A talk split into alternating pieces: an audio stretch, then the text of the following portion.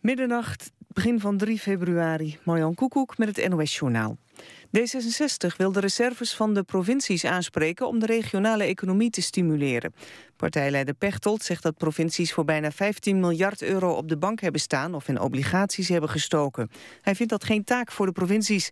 Het geld is voor een groot deel afkomstig van de verkoop van energiebedrijven en een paar miljard kan volgens Pechtold worden ingezet voor duurzame investeringen. Hij denkt onder meer dat Zeeland en Zuid-Holland samen kunnen werken aan een getijdencentrale in de Brouwersdam.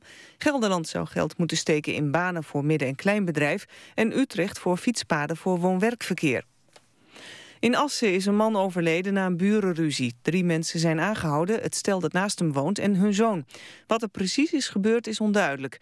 Er was ruzie bij de woning, daarop werd de man onwel... en hij overleed in het ziekenhuis in Groningen. De buren worden ervan verdacht dat ze geweld tegen de Assenaar hebben gebruikt. Staatssecretaris Van Rijn heeft nieuwe afspraken gemaakt voor mensen met een persoonsgebonden budget die nog geen geld hebben gekregen. Sinds januari gaat de Sociale Verzekeringsbank over de pgb's, maar die kan het werk niet aan. Daarom mag iedereen met een pgb de declaratie over januari gewoon opsturen, ook al hebben ze nog niet definitief van de SVB gehoord dat hun papierwerk in orde is. Voor andere spoedeisende situaties wordt een oplossing gezocht waarbij mensen een voorschot kunnen krijgen, aldus Van Rijn. Zojuist om 12 uur is de transfermarkt gesloten. Voetballers moeten de komende maanden blijven bij de club waar ze nu zitten. De Nederlandse topclubs hebben zich vandaag niet meer geroerd op de transfermarkt. Alleen PSV haalde nog een speler, de spits Erik Kwekel van FC Den Bosch. Maar die gaat bij jong PSV aan de slag. Een opvallende transfer in het buitenland is die van de Duitser André Schürrle. Die gaat voor 32 miljoen euro van Chelsea naar VfL Wolfsburg. Dan nog het weer, nog wat winterse buien aan de kust. In het binnenland droog en lokaal glad bij temperaturen rond het vriespunt. Morgen nog een paar winterse buien, maar ook zon. En het wordt 2 tot 5 graden. Dit was het NOS Journaal. NPO Radio 1. VPRO. Nooit meer slapen.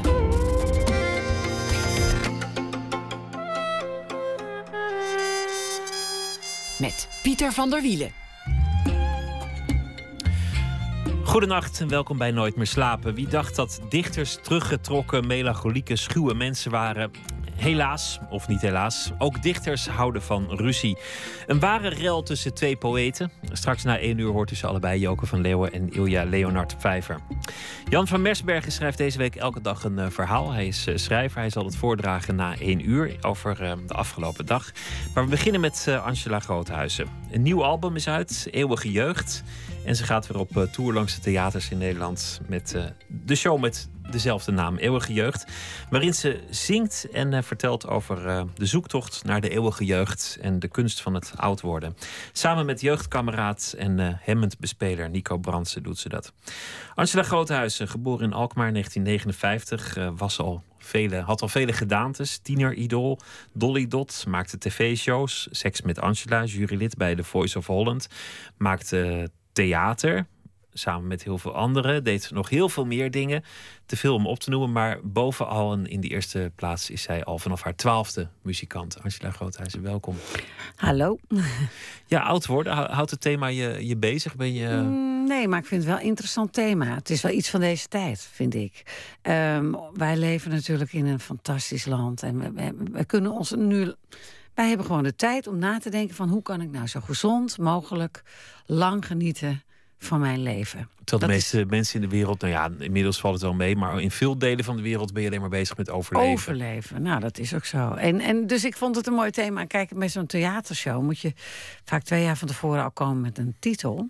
Terwijl je nog net, net begonnen bent met, met je nieuwe theatershow. Weet je. Jaar geleden, twee jaar geleden was ik begonnen met Angela en de Optigant. Toen moest ik alweer een titel verzinnen voor, voor het programma wat ik Eeuwige jeugd. En toen zag ik het in een interview. Angela Groothuis heeft de eeuwige jeugd. Dacht ik, nou, dat is niet zo. Maar ik dacht wel een mooie titel. Een mooie titel van een, theaterprogramma. Omdat je. Het is een prachtige kapstok om van alles uh, aan te hangen. En er is zoveel over te vinden. Zoveel te vinden over die zoektocht naar heel uh, gezond zijn, ouder worden. En. en wij zitten natuurlijk ook in, in, in zeg maar de, de babyboomers zitten net voor ons. Dus we, zien het, die zijn echt van plan het allemaal anders te doen dan de generaties daarvoor. Dus er is ontzettend veel te zien, veel te beleven. En ik heb daar ook, ik was ook echt heel snel klaar met mijn verhaal. Maar het is, het is wonderlijk. Aan de ene kant wil iedereen oud worden. Is het ook, zijn. We worden ook steeds ouder, maar we willen het niet zijn. Er lijkt wel een soort taboe op oud zijn. Ja, Eeuwige jeugd zou je ook kunnen lezen als eh, al, die, al die oude kerels in een cabriolet die zo gra- graag de jonge man uit willen hangen. ja. Nou, ik weet niet, eh, ja, ik weet niet Wat ik of ze iedereen... gun hoor. Ik bedoel, ja, het is ik, lekker. ik weet ook niet of ze de jonge man uit willen hangen. Dat weet ik niet. Maar ik ben wel vrij mild altijd geweest. Als ik oudere mensen gewoon eh, uit hun dak zag gaan. Ik weet dat ehm, mijn lief en ik, voordat we kinderen hadden, waren we gingen we wel eens naar zo'n housefeest. Dat was toen nog begin. Dat waren nog niet die hele grote feesten. Dat was soms wel eens illegaal onder een snelweg of zo. Vonden we leuk en dan konden we lekker dansen. En heel soms zag je dan, toen waren wij al 32 of zo. Maar heel soms zag je daar ook oudere mensen tussen. En er werd wel eens raar naar gekeken. Maar ik vond het eigenlijk wel stoer. Dus ik heb, hem, ik heb me er zelf nooit aan eh, geërgerd. Ik, ik, ik, ik vind ook altijd wel inspiratie als ik mensen op een, eh, een mooie manier oud zie worden. Ik vind het eigenlijk vervelender als mensen. Ik vind het leuk als je kind in jezelf bewaart, maar je moet niet kinderachtig blijven. Dat vind ik.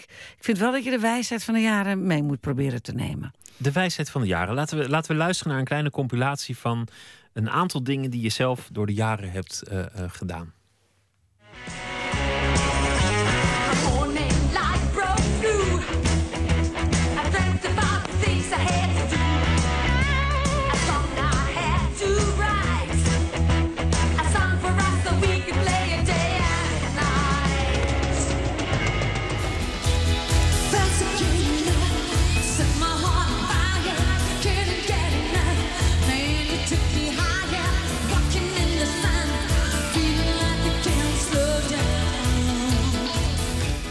Een invitatie om mezelf te presenteren.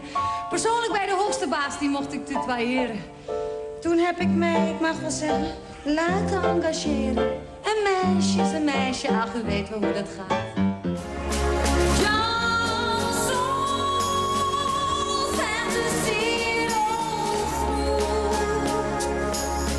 Hallo en welkom bij Seks met Angela. Vandaag gaan we het hebben over seksuele technieken. Oftewel alles wat je kan doen om seks nog leuker te maken. We hadden die compilatie nog veel langer kunnen maken, maar heel oh, veel wat verschil- leuk, ik wil hem hebben. Zijn er, zijn er dingen waar je spijt van hebt, waarvan je achteraf denkt: van, oh jee, hoe heb ik dat nou weer kunnen doen? Oh, ongetwijfeld. Maar ik ben ook wel zo opportunistisch dat alles wat, wat, wat niet goed is gegaan, dat, dat, moet, dat laat ik ook wel weer los. Dus je kan er toch niks meer aan doen. Het is voorbij. Je, je kan er niks aan doen. Ik heb een voorbeeld. Verleden week maandag ehm, had ik de presentatie van mijn album. In People's Place. Ik, heb ik, ik heb, vier mijn verjaardag niet. Vind ik veel gedoe. Maar ik dacht, dan geef ik wel af en toe... als ik een album heb, geef ik een feest. Dan gaan we dat ook lekker met de jongens... waarmee we die- dat album hebben ingespeeld vieren. Dus dat is Ton Dijkman, Manuel Hugas. Heb ik echt prachtige muzikanten. eh, Robin Berlijn. Echt helemaal te gek. En Nico Brands. En dan, maar ja, dit is eigenlijk geen band. We repeteren even en we gaan even soundchecken. En al mijn oude vrienden van techniek die helpen dan. En hebben een hele korte tijd om dat te doen. En dan komen je vrienden en je familie. En ik ga op en mijn monitor doet het niet. Dus en ik bleef daar een beetje in hangen. Dus ik had geen plezier en ik moest heel erg overleven. En ik heb me heel erg druk gemaakt Want je hoorde dochter. jezelf niet goed Ik hoorde zingen. me helemaal niet. En ik kan dan nog wel op eh, mijn innerlijke oor, maar ik dacht straks komt mijn dochter, die moet ook zingen. Nou, dat was natuurlijk heel moeilijk voor haar. Ik heb die avond, ik heb er niet van genoten. Ik was, ik, achteraf dacht ik, hè verdorie, ik heb gewoon die avond niet gepakt. Ik had hem moeten pakken en dan, dan vind ik dat ik gefaald heb. Dat is een andere manier van spijt hebben. Namelijk de, de tijd die voorbij is geraast terwijl je aan iets anders dacht. Ja, nou, ik was er heel erg mee bezig, maar ik kreeg het niet zoals ik wilde. En meestal kan ik het nog wel keren, maar verleden week dacht ik ook, ik doe het ook niet meer. Ik ga het volgende keer anders doen. En dus dit is het eerste wat in me opkomt. En heel veel andere dingen. Ja, ik, ik heb zoveel stomme dingen gedaan. Ik maak echt alle fouten die je maar kunt maken. Maar ja, ja no use crying over spilled milk, heb ik geleerd. Hoe oud zou je willen worden? Nou, gisteren zei ik 105, hè? 105 zei Ja, je gisteren in het 105, theater. Dacht, ja. Nou, dat is, dat is niet heel bescheiden, maar het is ook, ook niet Heel helemaal Nou, ja, idioot. Het kan. Ik, ik, ik weet je, zolang het leuk is, wil ik wel zo lang mogelijk leven. Mijn moeder is 89, dat heb je ook gezien gisteren. Nou, die geniet nog echt wel.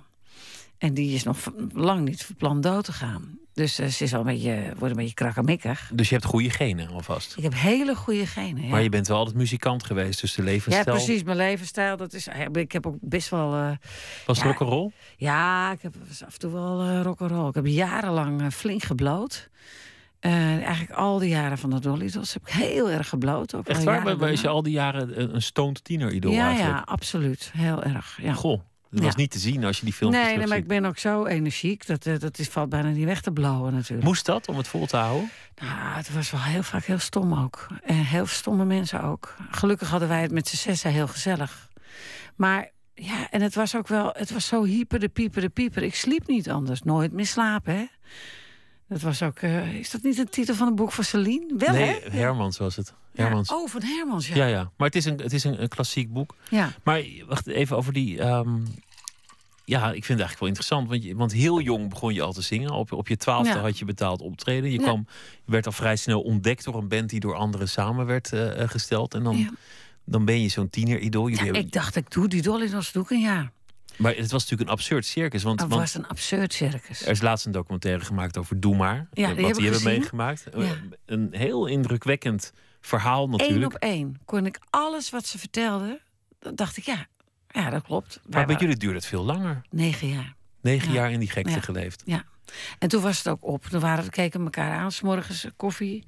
Jongens, wat gaan we doen? Stoppen? Oké, ko- wie wilde nog koffie? Weet je, zo ging het echt. En we zijn nog steeds eh, heel close. En eigenlijk ook heel veel clichés die ermee samenhangen Ja. met, met, een, met een jonge mensenband. eh managers die er met de poen vandoor Ja, rennen. je hebt het eh, zo druk, je kunt er niet bovenop zitten. en je bent jong, wat weet Ja. je nou? Ja, eh, niets. Nee, en we vonden het allemaal wel leuk. Maar ja, nee, er zijn wel heel veel fouten gemaakt. Maar ja, had ik het allemaal willen missen? Nee. Het was natuurlijk wel een geweldige tijd. Maar het heeft je ook, het heeft je ook gek genoeg, een deel van je ontwikkeling afgenomen. Ja. Nou, een ander deel er werd voor teruggegeven, maar, ja, dat is waar. Ik heb, ik, ik heb wel eens met Patty vriendjes. er- Ja, precies. En ik heb ook wel eens met Patty erover. Daar, de- die zie ik heel vaak nog. En ik zeg, goh, wij zijn zo altijd omringd door mensen die allemaal nog gestudeerd hebben en, en nog even doorgestudeerd hebben. En wij waren natuurlijk op ons achttiende al op tournee in Japan. En ik dacht dat, nou doe ik later wel. Ga ik later wel naar de toneelschool. Je had toen nog niet de lichte opleiding bij de conservatoria. Je had alleen maar jazz. ja. Nou, daar had ik geen zin in. En eh, pas toen wij klaar waren, ja, toen, toen begon er in Rotterdam een lichte, eh, lichte muziekopleiding. Maar ja toen, ja, toen knalde mijn carrière eigenlijk zo door. Dus ik heb het eh, heel veel met privélessen gedaan. Maar ik heb eigenlijk nooit gestudeerd. Heb ik altijd jammer gevonden dat je niet dat hebt meegemaakt met nog een groep mensen die je leert kennen. En je gaat studeren, je gaat samen, weet ik veel. En dat zijn natuurlijk de, de onbezorgde jaren voor velen, als je, Mhm. als je gaat studeren. Zijn er andere dingen in je ontwikkeling die je eigenlijk toen hebt gemist? Door dat, door Nou, dat ik gigantische miste- circus, dat, dat ik succes? miste erudite mensen om me heen. En die heb ik zelf opgezocht. En ik heb, ehm, ik heb heel veel gelezen. Heel veel gelezen. Want we zaten natuurlijk wel altijd in die auto. Dus je kon heel veel. Helaas kan ik niet meer lezen in de auto. Dat is heel jammer. Mijn oud wijf, ik word nu misselijk. Maar ik heb toen de tijd. Ik, ik heb ook. Ik weet. Wij zaten zo vaak in de auto met elkaar. Ik weet dat ik in mijn ban van de ring. Dus Tolkien, het eerste boek, heb ik voorgelezen aan de meiden. Kun je je voorstellen? Het lijkt me, niet, lijkt me niet een gezelschap dat meteen stil was als iemand iets voorlas. Ja, ja, maar op een gegeven moment was, weet je wel, soms waren we dan moe en dan waren we ook echt wel uitgeluld. En was je klaar. Zei, wat, wat lees je? Ik zei, nou, en, en in de band van de ring was het werd zo spannend. Dus dan las ik ook wel stukken voor. En het was wel altijd heel gezellig. We hadden altijd wel een hele, hele veilige cocoon met elkaar. En die, die is ook altijd gebleven, zei ja, je die net. is, heel, die is eh, eigenlijk alleen maar sterker geworden. Eén van jullie is eh, eh, overleden, ja, niet heel ja. lang geleden. eh, Vijf jaar terug, ja. Vijf jaar terug, Ria. Ja. Ja, als je het hebt over oud worden, is dat natuurlijk toch ook iets wat, wat bij je blijft. Dat, dat Ah, je bent er. Ik bedoel, je kan wel denken, goh, wat jammer, wat ben ik oud. Of, of je spiegelbeeld neemt afscheid van je. Dat je kijkt en denkt, oh, ben Oh, ik dat? Nou, dat valt niet mee, nee. maar je bent er. Ja, ik, ja, ik heb er zo'n. Nou, het is, het is toch een. We, hebben de, we missen er zo. We missen er zo. En, en het, is, ehm, het was echt een enorme klap voor mij. Ik kende haar ook al vanaf mijn twaalfde. Want zoals je zei, ik was muzikant. Dat wil zeggen, ik trad gewoon op bij bandjes. En wie kwam ik altijd tegen op de veertiende? Ria. Dus die kende ik al heel lang. Ontzettend goede zangeres.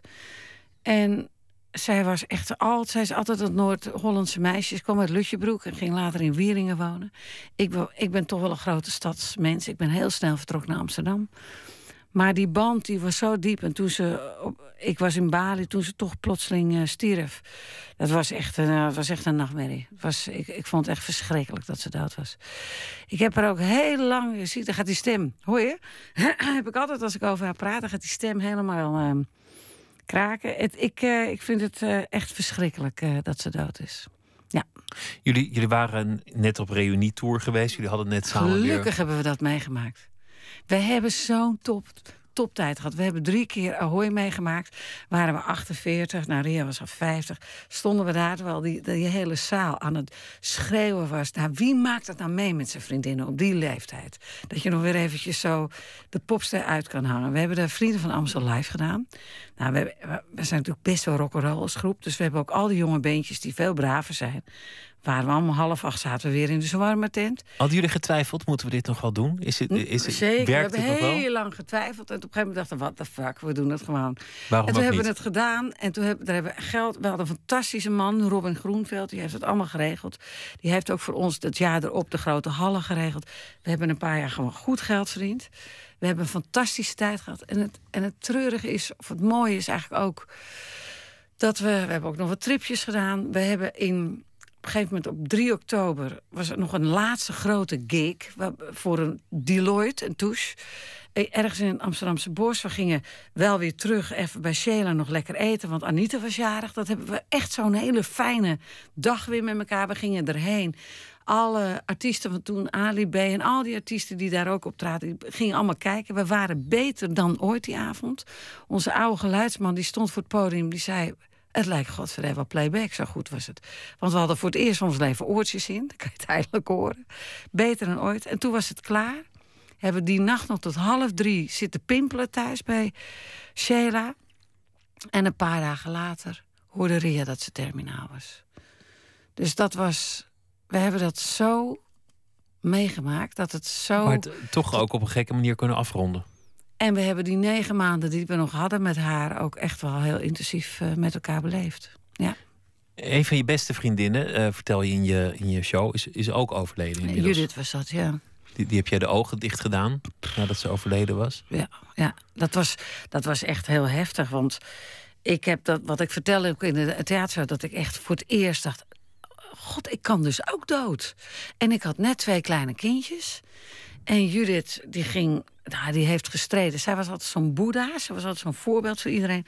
Maar die ging echt strijdend onder. Die kon het niet accepteren. En dat was heel moeilijk voor ons. We hebben met een hele groep vrienden haar verzorgd. Ik had de drukste tijd van mijn leven. Ik ben daarna ook gewoon echt in elkaar gekacheld. Ik ben ook mijn stem verloren heel lang. Heel lang niet kunnen zingen. Maar het, het was echt, toen dacht ik, jee, ik kan wel dood. Ik weet wel dat ik s'nachts wakker werd. En dan zei ik tegen Rob, Rob, ik mag echt niet dood. Die kinderen hebben me nodig. En ze zegt, ja, maar schat, je gaat ook niet dood. Ik zeg, nou, maar je kan zo maar dood gaan hoor. Dus ik was echt een beetje, ik had Want posttraumatische stress geloof Als je jong bent, dan, dan lijkt de dood iets, iets voor iets anderen. nooit dat, komt, ja. dat bestaat niet. En ineens Ja. gaan mensen die altijd naast je stonden dood. En dan, dan reist die voortaan met je mee. Dan, dan is die in je leven. Ja. Dan is, ja, 105 willen worden is, is natuurlijk een mooie ambitie. Maar elk jaar is ook weer meegenomen. Elk jaar is meegemaakt. Nou, ik heb, ik heb op mijn zestiende ook iets meegemaakt. Ik kwam uit Amerika. Ik heb een tijd in Amerika gewoond. En daarna werd ik ziek. En ze konden niet helemaal achtervin- achterkomen wat er was. En eh, toen werd mijn weefsel onderzocht. En toen had ik een hele hoge concentratie PBB's. Dat is een stof verwant aan PCB's in mijn systeem. En op dat moment kwam er in Amerika, waar ik gewoond had, ook een schandaal. Dat er iets met veevoeder en vergif was misgegaan. Eh, dus het is heel aannemelijk eh, om te denken dat ik dat daar had opgelopen. Toen heb ik ook wel op mijn zestiende, mijn zeventiende, 16, 17 moet je je voorstellen dat je zo ziek bent alsof je heel zwaar ziekte van vijver hebt. Maar op een of andere manier, mijn moeder is toen eh, de Moermans dieet voor me gaan koken. En op een of andere manier was ik op een gegeven moment weer beter. En ik dacht toen wel een tijdje van nou, dat is jammer. Ik ga dus jong dood. Ik dacht toen wel van, eh, dit gaat hem niet worden. Maar dat heb ik overleefd. En toen vond, vond ik mezelf ook gelijk ja, onsterfelijk. We hebben een, eh, een nummer uitgekozen van, ehm, van je album. Dat gaat over eh, dementie. Ja, dwaal. Mooi, hè? Wil je, wil je iets Ja. over zeggen of Ja. zullen we het gewoon, Nou, gewoon heel luisteren? kort. Dit, ik wilde heel graag in de show een, een terugkerend zinnetje... wat ik dan steeds zei van... Ik loop wat rond in mijn verleden.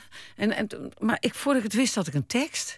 En toen reed ik ergens naartoe. En toen stond ik een uur lang stil in een file. En toen had ik ook de melodie één... Het was echt zo'n lied wat helemaal doorkwam. Ik heb gelijk ingezongen op mijn iPhone. Niet eens gewacht tot achter de piano. Gestuurd naar Nico. Die heeft zijn vakantie afgebroken. Die heeft het gemaakt. En wij vinden het het mooiste wat we ooit hebben gemaakt.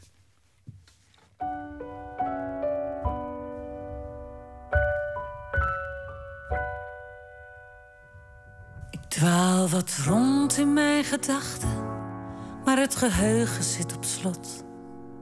In lange doorwaakte nachten grijpt het mij soms bij de strot. Ik ben echt niet bang voor rimpels, voor onafwendbaar verval. Stijve knieën, zere heupen, iets wat ooit wel komen zal. Ik zal het allemaal verdragen als een voldongen feit. Ik zal niet zeuren, nee, niet klagen. Voor mij geen goede oude tijd.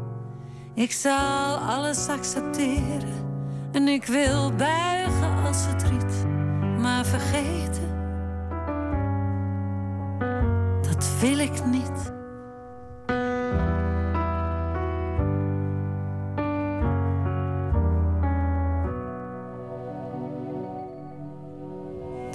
Wat rond in mijn verleden, maar hoe zat het ook alweer? Ik klamp me vast aan het heden, maar het vergeten wordt steeds meer. Al die woorden, al die namen, ik kan er steeds moeilijker bij.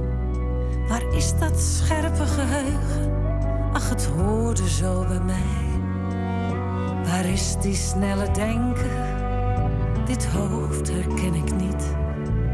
En op drift geraakte tanker, die door de mist steeds minder ziet. Ik zal alles accepteren en ik wil buigen als het riet. Maar vergeten, vergeten liever niet.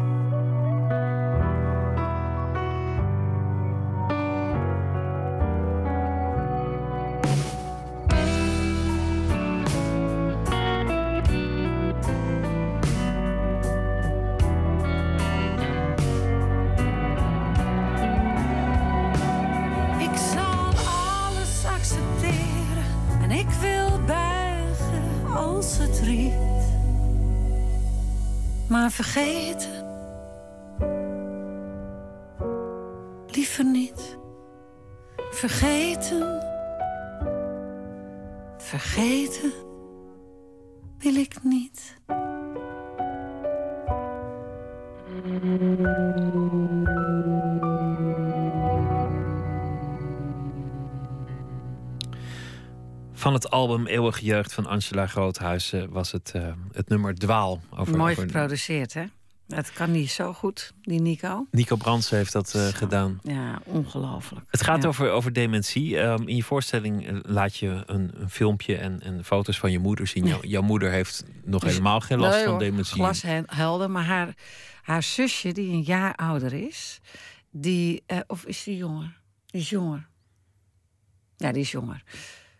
Eh, dat, ik vertel, dat ze met vier zusjes. eh, mijn moeder is namelijk de eerste zeven jaar van haar leven in, bij een oom en tante in huis geweest. Mijn, mijn moeder is een beetje opgevoed als een prinsesje. mo- moest daarna toch weer terug naar die grote familie. Werd een soort assenpoester. Moest werken. Moest van school af. En haar zusje, eh, Lia, die is volgens mij net een jaartje ouder. Of jonger, dat weet ik niet meer. Die zorgt, dat was de, de slimme, de pin. En die zorgde heel goed voor mijn moeder. En Lia is nou degene die aan het wegleiden is. Dus eh, dat, dat vindt mijn moeder, dat is natuurlijk heel verdrietig voor mijn moeder. Maar ze, Lia is naar Alkmaar gehaald. En die gaat dan elke zondag lekker koffie drinken bij mijn moeder. En haar korte geheugen, eh, korte termijn geheugen werkt niet meer zo erg. Maar dat lange termijn wel. Dus die hebben het heel genoegelijk met elkaar. En door tante Lia kwam ik op dit lied. Zeg maar, dat wegglijden. Ik dacht, ja, als je 89 bent of 90, dan mag dat ook best wel een beetje.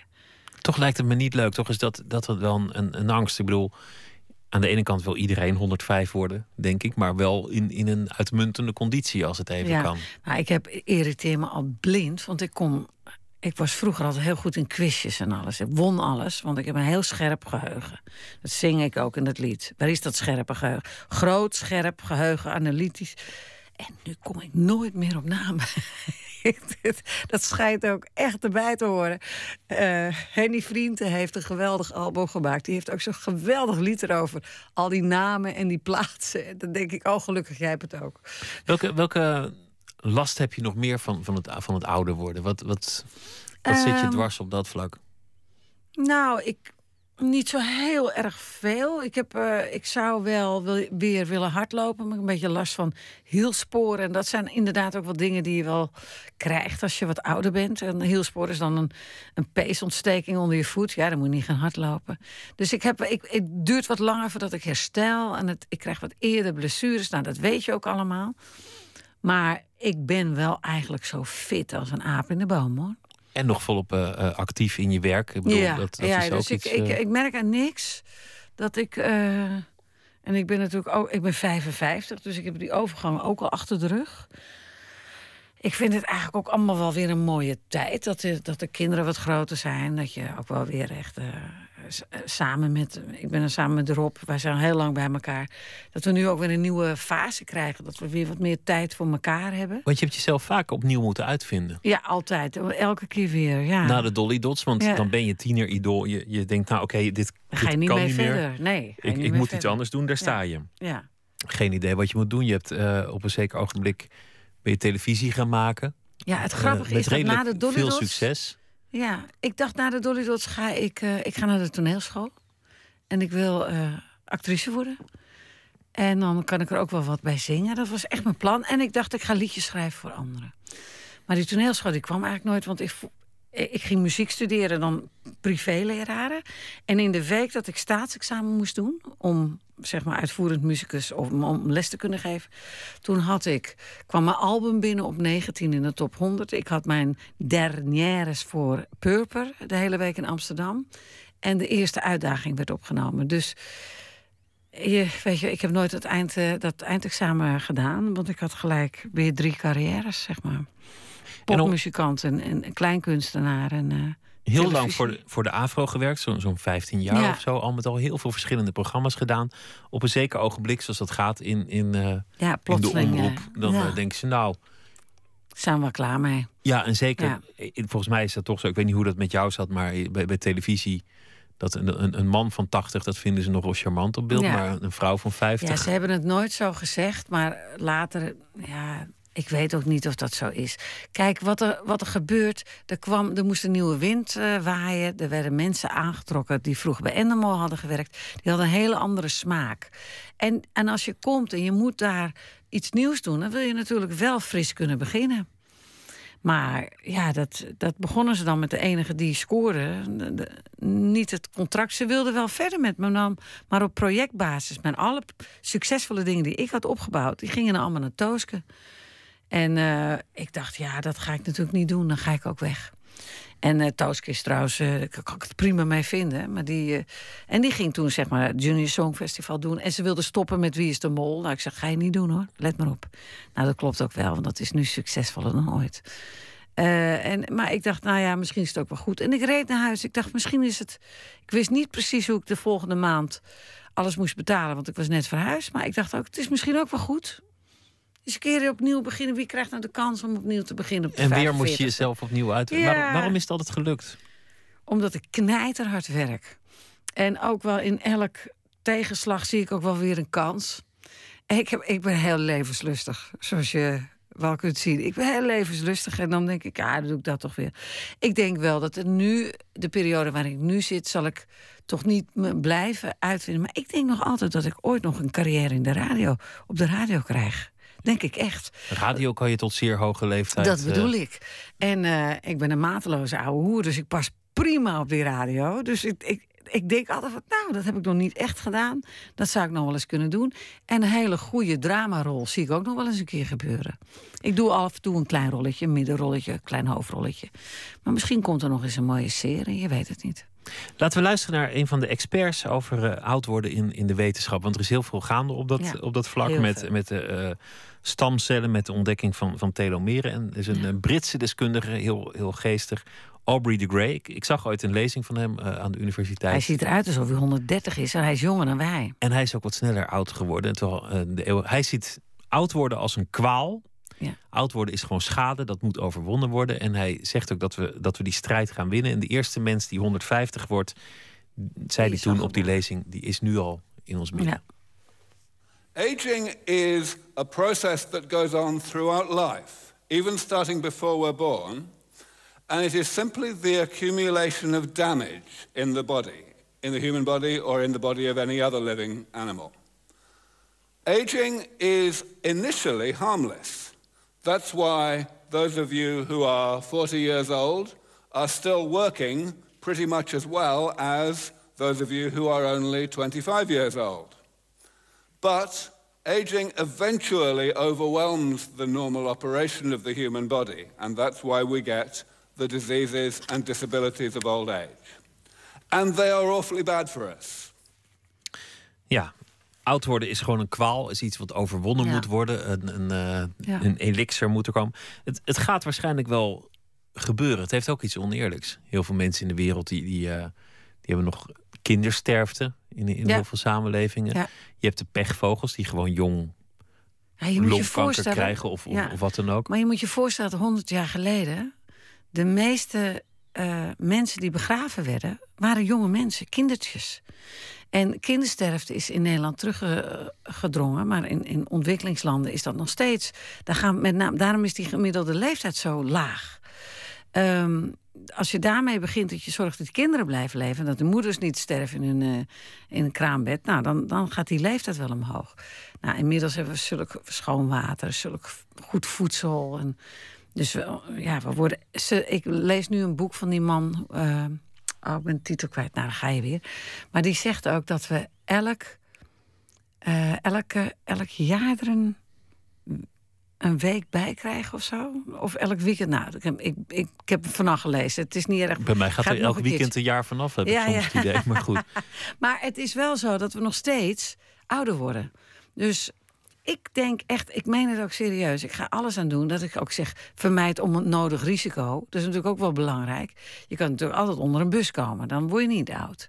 Maar je kunt er wel tegenwoordig aan doen. Als je een beetje goed voor jezelf zorgt. Dat je zorgt dat je liefde om je heen hebt. Dat je goed eet, niet te veel drinkt. Maar af en toe wel een borreltje. Je mag best wel uit. Dat je, dat je de juiste keuze maakt. Je zorgt dat je lichaam sterk blijft. Dat je systeem goed blijft werken. Dan heb je best kans.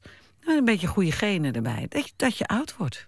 nou ja, en binnenkort met stamcellen, dan kun je organen Ja. opnieuw kweken. En dan, dan spuit je wat verse stamcellen in. En dan is, Ja. je, is je kapotte lever zo ja, weer tien hersteld. jaar geleden werd het aan mij al gevraagd... wil je wat eh, st- stamcellen gaan invriezen, voor, eventueel voor je kinderen. Heb ik toen niet gedaan. Maar misschien moet ik dat ooit eens doen. Verzetten je kinderen zich tegen jou? Nee, helemaal niet. Nee. Maar ze, ze, ze hebben de puberteit Zijn, eh, mm, zijn- bijna zijn- achter de rug. Ja, 16 en 19. Ze zijn heel braaf, heel lief. En eh, we doen het wel goed met z'n vieren. We hebben het wel gezellig. Ik, ze zijn hele slimme meisjes, hebben ze van hun vader. En ze doen het heel goed. Ze zijn helemaal, nee, ik geloof niet dat ze zich verzetten tegen hem. Maar je hebt je ook nooit tegen je moeder verzet. Nee, mijn moeder had het eh, al zwaar genoeg, vond ik. En mijn vader was ziek en eh, was, daardoor niet altijd, was daardoor niet makkelijk. En we we hadden een groot gezin, nou, in ieder geval vijf kinderen. En we hadden altijd wel een paar aanlopers. En ik ben altijd een beetje mijn moeders hoeder geweest. En nu is mijn oudste zuster dat, die doet dat heel goed. En ik zorg een beetje voor eh, de extra cash. Voor je moeder. Ja, Dus dat je- ze anders, want die heeft alleen maar een, eh een, eh een. En eh, het is wel een prinsesje natuurlijk. Ze moet wel. eh, als ze een nieuwe jurk wil hebben, vind ik gewoon dat ze dat lekker moet kopen. Je hebt je vader eigenlijk nooit gekend zoals hij eigenlijk was. Want, Ja. want hij heeft een Ja, hersenbloeding gehad. Ja, Eh, toen, toen jij eh, nog niet eens geboren was. Ja, ja, drie weken voordat ik geboren werd, eh, dan heeft hij eh, een major. Was echt. eh, eh, kijk, toen de tijd hadden ze nog geen scans. Ze noemden het een bloeding in zijn rug, maar dat is natuurlijk ergens in dat vlies geweest. En hij was echt, eh, hij was helemaal verlamd. Hij lag eh, in het, toen de tijd nog een, een jaar in een ziekenhuisbed te kijken op die straat waar hij net naartoe verhuisd was met zijn vrouw, die zwanger was en vier kleine kindjes. Het was een drama.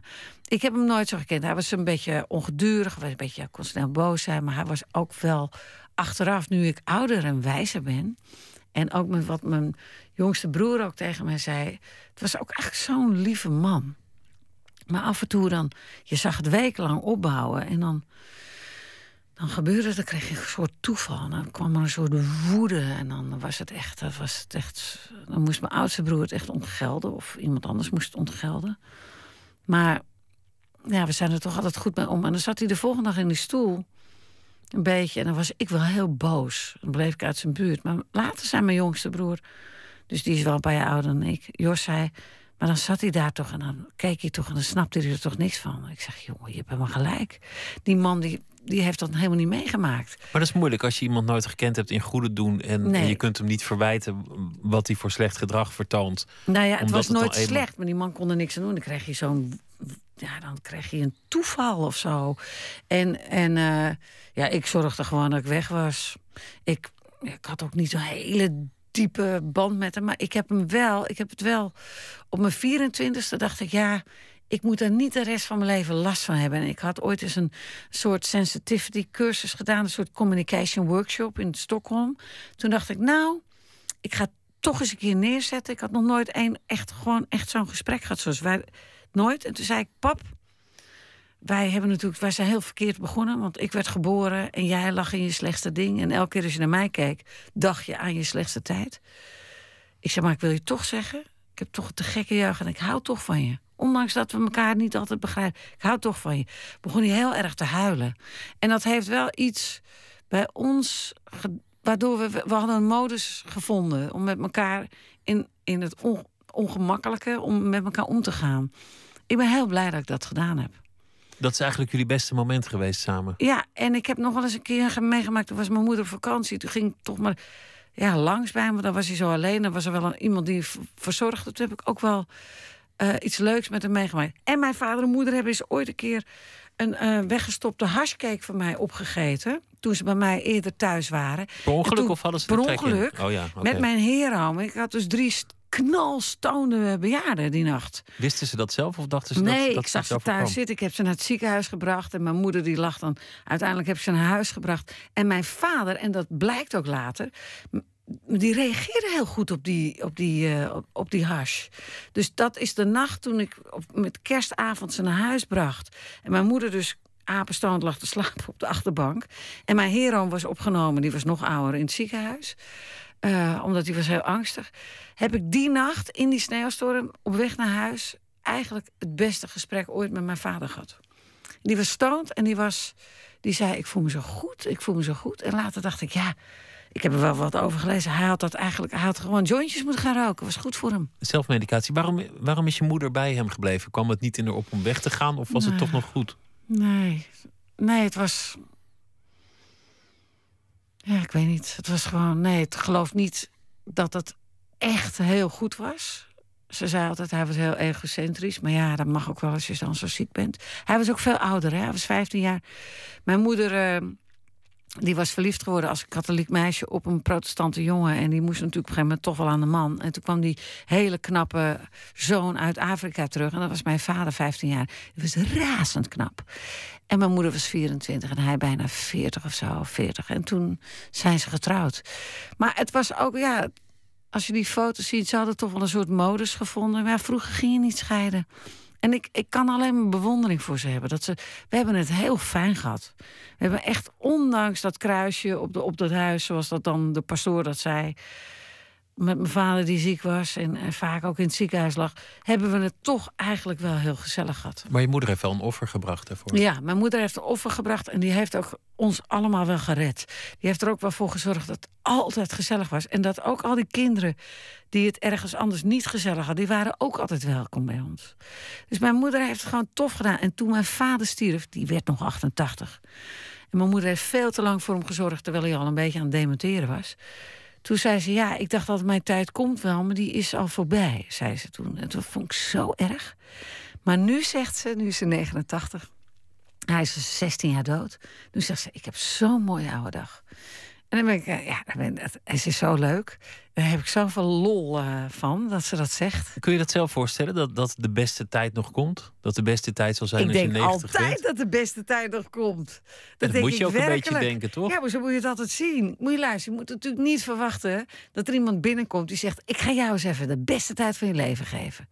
Nee, die moet je zelf maken. Daarom, ik zeg op een gegeven moment toch ook in die show... jongens, dring jezelf op. Zorg dat er mensen zijn die van je houden. F- Stal ik iedereen op eh, Facebook. Ga naar elk evenement. Ga op line dansen. Ga naar een parenclub. Zorg dat je gezien wordt. Weet je, met andere woorden, hang je eigen slingers op. Kom op, maak er wat van. Dat is bij dat liedje waar ik dan door die zaal ga. Ik vind het heel belangrijk. En, en het is makkelijker gezegd dan gedaan. Want niet, sommige mensen zijn heel eenzaam.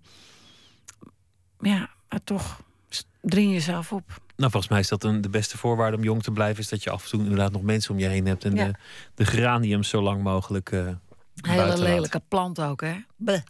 Geraniums. Ik weet niet zoveel van planten. Nee, nee, dus gewoon helemaal geen geraniums. Gewoon, eh, gewoon ge- het gaat tegen. eh, In ons, als wij oud zijn, eh, hoop ik dat het toch wel een stuk funkier is hoor. Ik ga er wel vanuit. Nog een nummer van, eh, van het album, Helden. En dat gaat over de, Oh, wat leuk. de mensen die jou geïnspireerd Ja. hebben, jouw muzikale helden.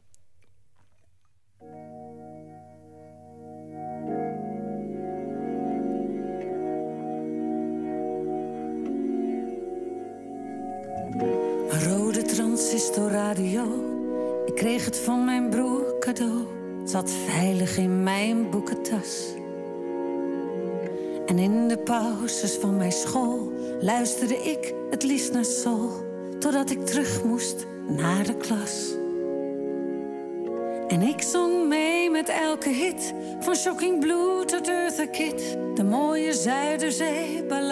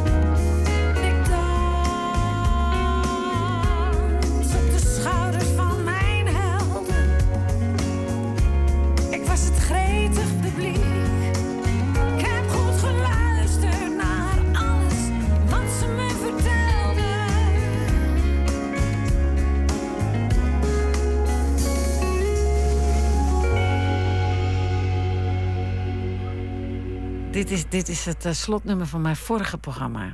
En het paste zo goed op dit album. Want het vorige programma ging over talent. En, en over talentontwikkeling. En dat je wel van je jeugd moet, moet houden. En, en dit was het slotlied waarin alles bij elkaar kwam. Maar ik wilde het zo graag op dit album hebben. Ik ben zo blij dat we het gedaan hebben.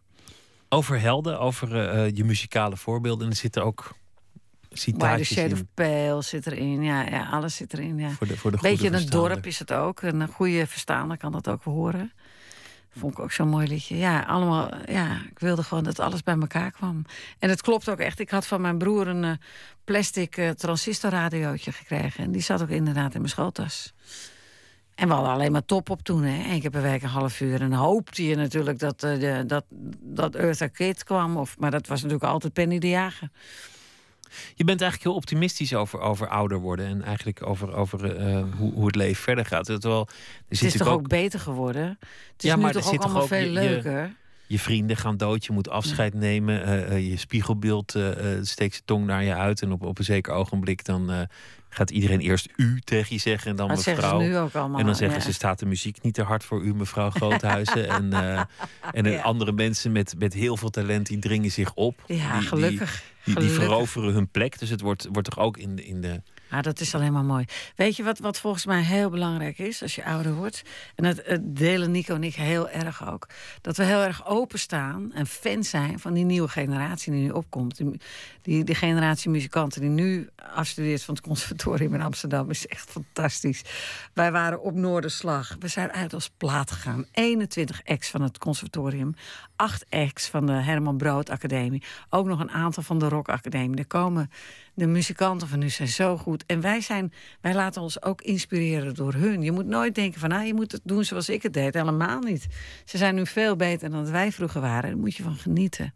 Ik vind de tijd van nu ook veel spannender dan vroeger. We hebben internet, we hoeven maar één knop en we hebben YouTube. En we hebben alle liedjes van de hele wereld heb ik tot mijn beschikking. Ik vind het een toptijd. En Ik wil nog wel 50 jaar mee om te kijken wat er allemaal gaat gebeuren. Volg je alles nog? Of is er ook wel eens een volg- moment dat je denkt, nou... ehm, Nee, ik volg alles. Ik, ben, ik, ik weet heel veel van, van hedendaagse muziek. Ik, eh, ik, ga, ik heb ook weer eh, een villa gehuurd voor Lowlands, hoor. Ik ga gewoon met vrienden naar Lowlands. En ik ga naar Noorderslag volgend jaar. Is, eh, alweer geboekt door het hotel. Ik wil het allemaal weten. Ik wil niks missen. Ik zit zo te genieten van al die prachtige jonge mensen, net twintig. En een partijtje goed zijn ze. Helemaal super. De hip-hop in Nederland. Topnotch. Dat is een fantastisch label. Kees de Koning. Nou ja, wat je ziet wat daaruit komt. eh, Het, het is zo'n spannende tijd. En dat ik dan zelf nog op mijn 55 mijn eigen album wil uitbrengen. Dat doe ik gewoon, want dat wil ik zelf doen. Maar dat betekent niet dat ik eh, bang ben om, om verdrongen te worden. Want dat vind ik prima. Er zijn veel artiesten die je nog ziet optreden. ehm waarvoor ik hou zelf van jazzmuziek. En dan, dan zie je mensen als Roy Haynes, de drummer, die is inmiddels, ik geloof, 88. Die toert nog. Nou, wat dacht je van En met Toets energie. Tielemans? Is nu die, die is in de 90 Ja, die is alweer. 93, die is net gestopt. Met toeren, maar hij gaat er wel een plaat maken. Dat bedoel ik. Ja. Hij gaat nog wel een plaat maken. Natuurlijk, dat is zo mooi van muzikanten. Dat zie je ook aan die oude bluesknakkers die ooit nog in, vanuit een, eh, eh, Deep South, weet je, in, in Louisiana, die eigenlijk de popmuziek hebben. Eigenlijk komt het door hun dat die popmuziek is geworden. Hè. De Stones, eh, waar zijn er door geïnspireerd? En, en al die, die, die hele popmuziek, die, die komt natuurlijk door, door die Deep South blues. En als je ziet dat hoe lang die knakkers nog gespeeld hebben, die Johnny Lee Hooker en die was, weet je nog? Heel, heel, Ja. heel, heel, sorry, dan was hij, wat was hij 88? Nou, ik ook hoor, tot ik dood eh, neerval. Is dat niet gewoon de beste manier om, om veroudering te voorkomen? Gewoon bezig Ja. blijven met wat je leuk vindt? Nou ja, en vooral ook, ja, je wil jezelf ook wel kietelen, zeker. En liedjes blijven maken, waarom niet? Dat is het leukste wat er is. Dat kan je gewoon heel lang blijven Ga volhouden. je lang volhouden. Lukt, Ja. het, lukt het financieel eigenlijk ook? Want bij de, bij de Dolly Dots ging de manager er op een gegeven moment in een dikke sportwagen Ja, nou, maar we hebben altijd wel, we hebben toch altijd wel lekker geleefd in een tijd dat bijna iedereen die van onze leeftijd werkeloos was, weet je nog? Niemand, niemand had geld. Wij, wij hadden toch altijd wel een goed salaris. Ik kan er, ja, ik kan er, ik kan er nog steeds van leven. Maar de tijd dat je van de Buma Stemraad dus je pensioentje kon opbouwen, dat is voor mij nog wel wat moeilijker geworden. Muzikanten en pensioen is vaak ook een moeilijk Dingetje, thema. ja, maar ik heb toch altijd, ik ben wel goed met geld en ik heb eh, altijd wel, ik, ik heb het, ik red het denk ik net wel. Ik red het wel. En ik heb ehm, ook nog wel genoeg, omdat ik mijn eigen platenbaas ben. En, ik kan met, met, en ik kan ook goed delen met de rest. Dat doe ik ook. Dus ik ben niet zo iemand van, nee, het is van mij, het liedje. Nee, ik kan echt goed delen. Maar het- kunnen we het allemaal net wel van leven. Maar het is, ik moet er echt ook wel andere dingen bij doen. Wanneer kwam je er eigenlijk achter dat, dat dat je talent was, zingen? Ik heb eigenlijk altijd gezongen. Het was altijd al dat. eh, volgens mijn moeder zong ik altijd al luidkeels achter op de fiets. Toen ik nog niet eens kon praten, was ik al luidkeels heel hard aan het zingen. Ik was echt ook wel vier of zo dat ik Sinterklaas binnen moest halen. En mijn opa, die kon heel mooi cello spelen. Die was overigens ook architect of eh, aannemer. Maar die, die zei dat ik toen ik voor Sinterklaas zong, wat natuurlijk allemaal Jos was, dat ik dan begon. En dan begon ik en dan zong ik het hele lied met de vier coupletten en dan zakte ik helemaal niet. En eh, die zei: God, ze is, eh, zou ze een absoluut gehoor hebben? Dat heb ik niet. Maar ik heb wel heel scherp gehoor. Maar hij had wel een absoluut gehoor. En eh, ik heb dus altijd gezongen. En toen op school moest ik altijd voorzingen. In de kerk moest ik altijd voorzingen. Ik heb altijd gezongen. En ik, het was voor mij ook altijd, was altijd heel duidelijk dat ik dat ging doen. Ondanks dat iedereen zei, ja, maar daar kan je toch niet van leven? Jij bent een vrouw. Ik kom nog uit de tijd dat je als vrouw gewoon moeder ging worden. Dan als je kinderen krijgt, dan ging je thuis. Je kreeg op je zestiende voor mijn verjaardag kreeg ik een theedoek.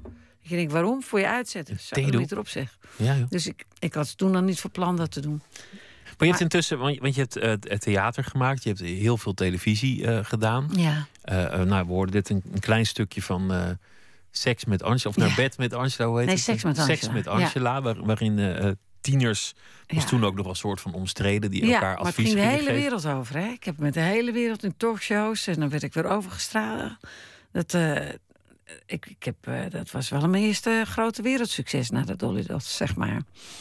was heel leuk. Maar was je toen nog in essentie muzikant? Of, of... Heel erg, ja, Ja. heel erg. Ben ik altijd geweest. Alleen toen mijn kinderen klein waren, toen wilde ik niet optreden. En ik had ook, kon ook niet meer ehm, de tijd en de rust vinden om te schrijven. En toen was ik het echt een hele tijd kwijt. Dus tussen het album Groothuis en Melk en Honing zit wel twaalf jaar. Heb ik tussendoor wel nog een album gemaakt met Birgit Lewis en met Julia Loco. En nog wel meegedaan aan losse projecten, maar geen solo dingen gedaan. Ik, ik schreef ook geen liedje. Nee. Dat viel niet te combineren. Maar het is ook moeilijk als je, als je gaat toeren en dan kom je om één Ja, uur ik- thuis en die kinderen. Ja, ik toerde nog wel een beetje. Dus af en toe met theater deed ik nog wel. Maar liedjes schrijven, ik kwam er gewoon niet aan toe. Ik wilde gewoon bij mijn kinderen zijn en thuis zijn. En ik, kwam, ik had niet genoeg ruimte in mijn hoofd om dat te doen. Anderen kunnen het wel, maar ik kon het echt niet. Dus ik heb, maar zodra het weer kon, ben ik het weer gaan doen. Maar nu, nu hoor ik je eigenlijk een, een beetje tussen de regels zeggen: nou ja, muzikant, dat is mijn roeping, dat is wat ik doe. Ja, dat is wat dat ik is als wat kind deed, wat ik Ja. altijd heb gedaan, wat ik altijd zal doen. Ja. Tot de dag dat ik sterf, als het me gegeven is, zal ik Ja, maar zingen. theater ook wel een beetje hoor. Wat, ik, wat je gisteren zag in theater. Ik, elke keer denk ik weer, ah, moet ik nou weer een nieuwe show maken? Waar ga ik het nu weer over hebben? Ga ik dan weer, komen die zalen wel vol? Ga ik het nou wel doen? Maar op het moment dat ik het doe, dan denk ik, ja, maar dit is gewoon, dit, dit moet, dit is mijn ikigai. Dit is je, wat ik Je wat? vertel, mijn ikigai. Wat die Japanners nodig zeggen van een reden om wakker te worden. Ik denk, ja, dit heb ik toch wel nodig om, om echt... eh, Ik doe het ook maar een paar maanden per jaar, maar dit heb ik wel nodig om echt even mijn dingetje te doen. En zolang mensen komen, blijf ik het doen. En als op een gegeven moment die zaal niet meer... als ik ze echt niet meer vol genoeg krijg... dan, eh, wat best moeilijk is met theater tegenwoordig... dan, eh, ja, dan zou ik moeten stoppen. Maar voorlopig gaan we nog, eh, knallen we nog even door. Dan geef je tussen de nummers door eh, eh, tips om oud te worden. Want, want dat is eigenlijk eh, waar mensen voor, volgens mij ook een deel van de zaal. Wat vond je de beste? Ehm, de beste tip om oud te worden was volgens mij gewoon bezig blijven. Sociaal Ja. blijven. Ik, Ja. denk dat dat het eh, Ja, beste advies is. Nou hebben ze zo'n wormpje gehad, eh, de C. elegans. Die, die hebben ze een, een derde langer laten leven. Dus, dus als De dat voor- helft. De helft zelfs. Ja, een DAF2-gen. Die hebben een soort eh, gemuteerde DAF2-gen. Ik kan het hier wel uitleggen. Ik ben er wel helemaal ingedoken. Dat is een soort cel die dus informatie doorgeeft. Een, dingetje bovenop wat informatie aan die cel doet. Nou, dat laat ik daar niet in gaan. En die, soort, die, die wormpjes met die gemuteerde gen, die leven dus twee keer zo lang. En ik was zo gefascineerd door dat verhaal. Ik dacht, holy shit. Als we bij ons zo'n gen vinden en dat muteren... ah, dan zijn we alweer een stuk verder. Maar daar zijn we nog lang niet hoor. En dan heb je ook nog eh, calorische restrictie. Dat Ja. werkt bij heel veel eh, dieren. Dus dan moet je gewoon eh, nou, ongeveer de helft eten van wat je normaal zou eten. Ja, En dan- 80, en, en tot 80% eten van wat je normaal zou eten om helemaal voldaan te zijn. Ja. Maar dat is ook iets wat, wat ze ook Maar nu goed, met de dan, Weight Watchers dan al zeggen. Je, dan leef je wel langer, maar dan, dan, dan voelt het ook alsof je heel lang leeft. Omdat Toch? je dan honger ja, hebt. omdat je het honger hebt. Nee, ik denk dat je net over die honger, dat je net zo ver moet gaan, maar dat je niet vol zit. Wij zijn natuurlijk allemaal, wij eten te veel. Die maag is eigenlijk maar zo groot als dat je je hand, als je je vingers en je duim en je vingertoppen bij elkaar, dat is ongeveer zoals je maag er ongeveer uitziet. Maar we vreten natuurlijk veel meer. Heerlijk ook hoor. Maar goed, die, die, die Japanners, dus die eh, vrouwen in Okinawa, die zeggen hari hachibu. En die vullen hun hand dat is het portie. En, en dat ben ik wel gaan doen hoor. Alleen ik eet er natuurlijk ook van alles tussendoor. Maar Ja, die porties die maak ik niet meer zo groot. En, eh, en dat, dat is ook wel beter voor je. Kortom, eh, Kortom. doorgaan tot je erbij neervalt. Ja. Platen maken, muziek maken, eh, bij je vrienden zijn, het gezellig houden, je kinderen zien opgroeien. Genieten van de lente, genieten van de familie, sneeuw. genieten Ja. van alles en, en zo op die manier goed oud worden. En het nieuwe album dat heet Eeuwige Jeugd. Dank dat je het gast wilde zijn. En, Nou, dankjewel voor de uitnodiging. We gaan luisteren naar eh, iemand anders, eh, Philip Selway. Dat is een, eh, een drummer in de band, maar sinds kort is hij ook zelf muzikant. En heeft een, een nummer gemaakt. Morgen treedt hij op in Amsterdam. Oh, wat leuk. The Ties That Bind Us.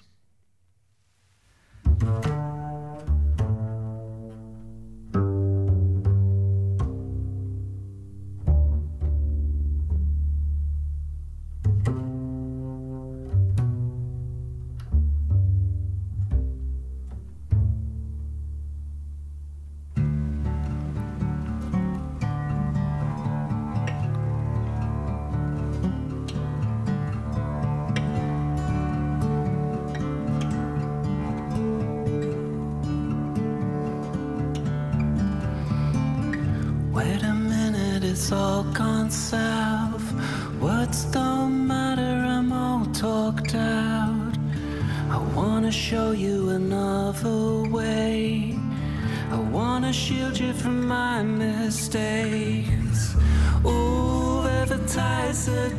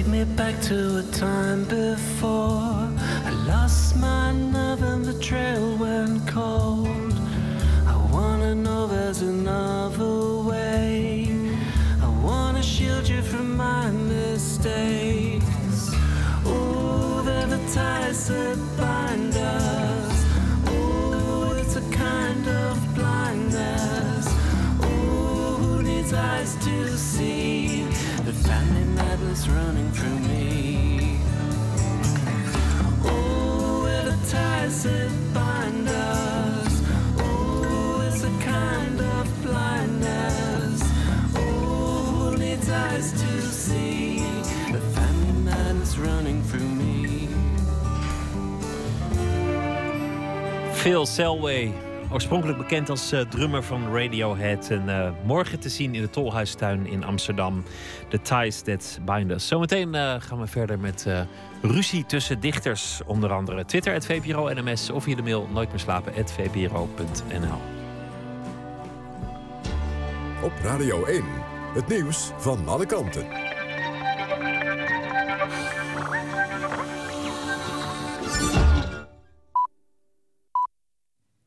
1 uur, Marjan Koekoek met het NOS-journaal. Bij een brand in een verpleeghuis in Eindhoven is een bewoner om het leven gekomen. Het is een oudere man. De brand ontstond door onbekende oorzaak in zijn kamer. De brandweer haalde hem eruit, maar hij overleed aan zijn brandwonden. Zo'n twintig bewoners moesten het pand verlaten vanwege de rookontwikkeling. Zij konden later weer terug. In het noorden van Mali hebben Franse militairen zo'n tien radicale islamitische strijders gedood. Volgens het Franse ministerie van Buitenlandse Zaken zijn er geen Fransen gewond geraakt.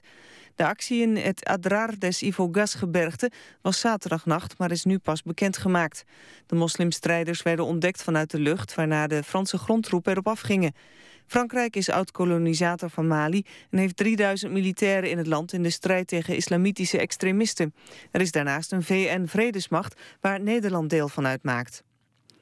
In Assen is een man overleden na een burenruzie. Drie mensen zijn aangehouden. Het stel dat naast hem woont en hun zoon. Wat er precies is gebeurd is onduidelijk. Er was ruzie bij de woning. Daarop werd de man onwel en hij overleed in het ziekenhuis in Groningen. De buren worden ervan verdacht dat ze geweld tegen de Assenaar hebben gebruikt. D66 wil de reserves van de provincies aanspreken om de regionale economie te stimuleren. Partijleider Pechtold zegt dat provincies voor bijna 15 miljard euro op de bank hebben staan of in obligaties hebben gestoken. Hij vindt dat geen taak voor de provincies. Het geld is voor een groot deel afkomstig van de verkoop van energiebedrijven en een paar miljard kan volgens Pechtold worden ingezet voor duurzame investeringen. Hij denkt onder meer dat Zeeland en Zuid-Holland samen kunnen werken aan een getijdencentrale in de Brouwersdam. Gelderland zou geld moeten steken in banen in het midden- en kleinbedrijf en Utrecht voor fietspaden voor woon-werkverkeer. Dan nog het weer. Nog wat winterse buien aan de kust. In het binnenland droog en lokaal glad bij temperaturen rond het vriespunt. Morgen nog een paar winterse buien, maar ook zon. En het wordt 2 tot 5 graden. Dit was het NOS Journaal. NPO Radio 1. VPRO. Nooit meer slapen.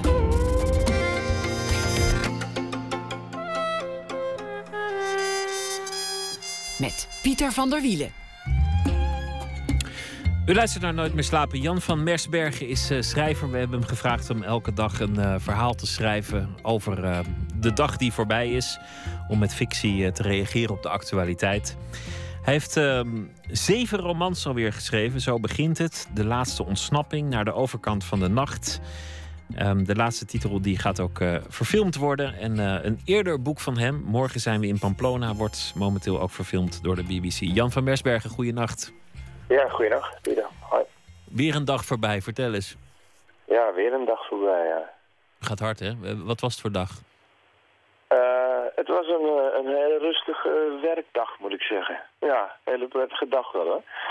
En, ik volg zo het nieuws wat natuurlijk zo'n beetje voorbij komt. En het had met name met de trein te maken. En daar was ik net een stukje over aan het maken, dus het kwam heel mooi, het kwam heel mooi uit. Ja, want er was, er was gedonder met de spoorwegen. Het zal ook eens niet. En dit keer eh, was het rond Utrecht dat alles stil lag.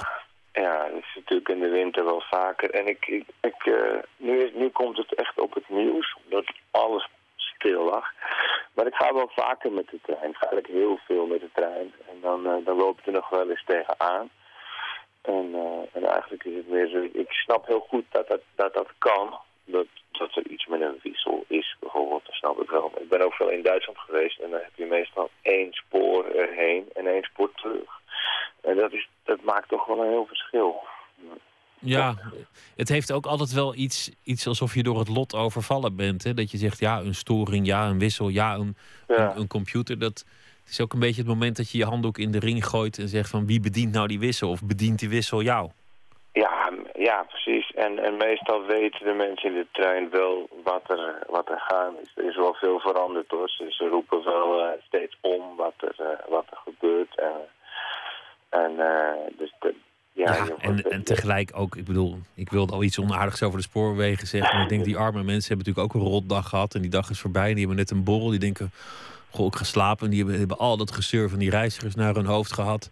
Ja, Komen wij nog eens. Maar goed, je hebt daar een verhaal over geschreven. Als uh, vervent treinreiziger.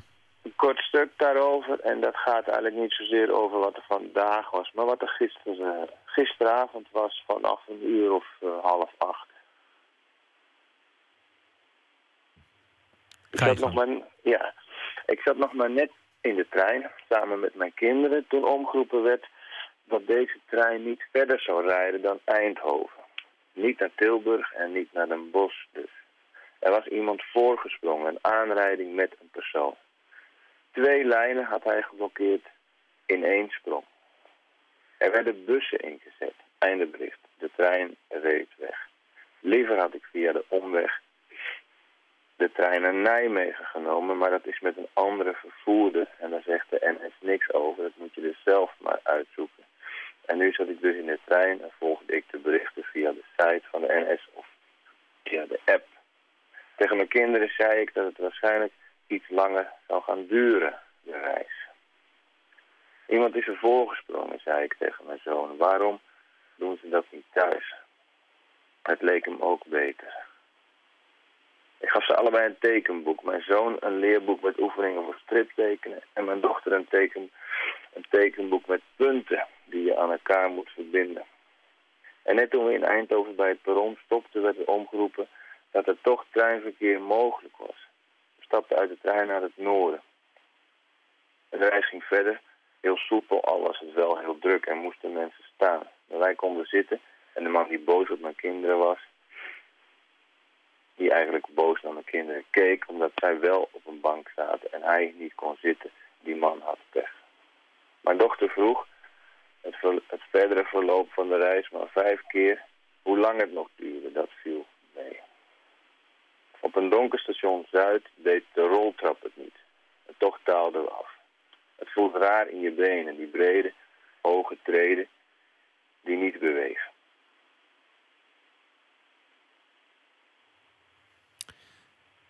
De trein, ben, je, ben een eh, vervent treinreiziger eigenlijk? Nou ja, vervelend treinreiziger. Ik, ik, heb, eh, ik heb zelfs geen rijbewijs. Ik, ik rij geen auto. Dat heb, je, heb ik eigenlijk in Amsterdam en ook als ik daar buiten zit. heb ik dat eigenlijk niet echt nodig. Dus ik ga, ik ga wel graag met de trein. En vooral ook omdat je dan nog wat kan, eh, kan werken. Dat scheelt heel veel.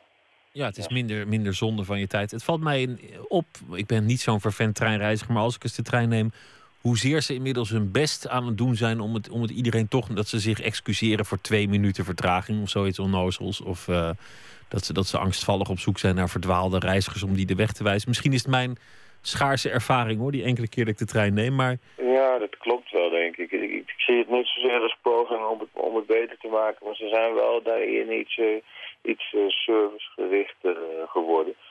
En ja, dat hele angstvallige vasthouden aan die, aan, die, aan die planning, dat heb ik altijd heel wonderlijk gevonden. Dat er in Nederland een enorm netwerk ligt van, eh, van spoor en dus ook van, van wissels. En dat dat dan allemaal precies op tijd kan. Dat is eigenlijk een, een wonder hoe, de, hoe, dat, eh, hoe dat gaat. Soms de hele dag gaat dat dan goed. soms gaat het een hele, meestal gaat het een hele dag goed en eh, vandaag dan Ja, ik vraag niet. tegenwoordig eh, gewoon ongegeneerd geld terug via de site van NS. Dan kan dat, dan kun je claims indienen bij een rit die vertraging heeft. En ik denk dat het, ja, dat ook wel weer bijna de helft van de reis eh, is, hoor, dat dat, dat dat kan. Ja. Dus dat, dat gebeurt dus ook wel heel, dat gebeurt ook wel heel vaak. Maar het gevoel dat je dan een paar centjes eh, terug kan krijgen, dat is misschien ook wel erg Hollands, maar dat, dat, maakt, het, eh, dat maakt de reis ook wel rustiger. Nou, Jan van. Mersbergen, een goede nacht en eh, morgen graag eh, weer een verhaal over eh, Goeienacht, Pieter, en de dag tot die. morgen. Tot morgen. Bob Dylan die kondigde het al een tijdje geleden aan. Een album vol met liedjes die beroemd zijn geworden in uitvoeringen van Frank Sinatra. Er werd hier en daar wat geproest en geslikt en verbaasd gereageerd. Maar het album is er en eigenlijk vinden de meeste mensen die het gehoord hebben en die erover schrijven dat het een prachtig album is geworden. Lucky Old Sun, hier is Bob Dylan.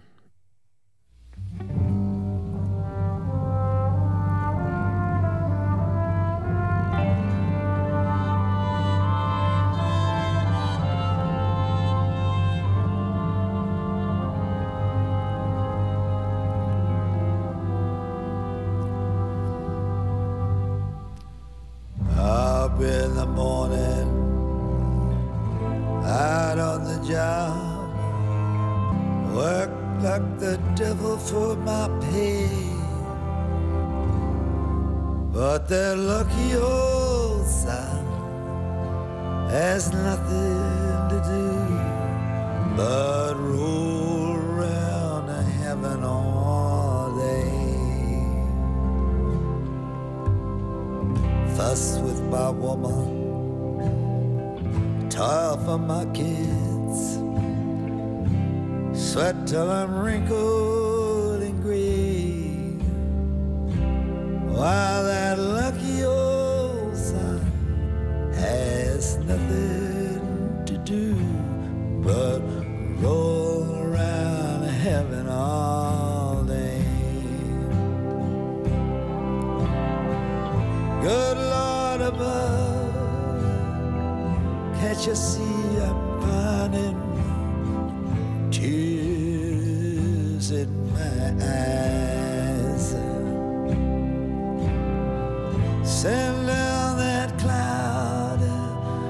silver lining, lift me to paradise. Show me that river, take me across and wash all my troubles away. Like that lucky old sun, give me nothing to do but roll around heaven all day. All out above, can't you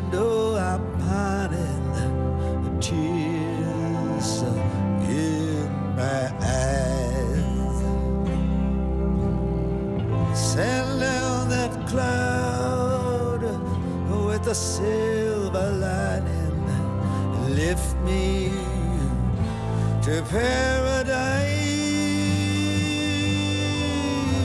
Show me that river. Take me across and wash all my troubles away. Like that lucky old sun. Give me nothing uh, to do but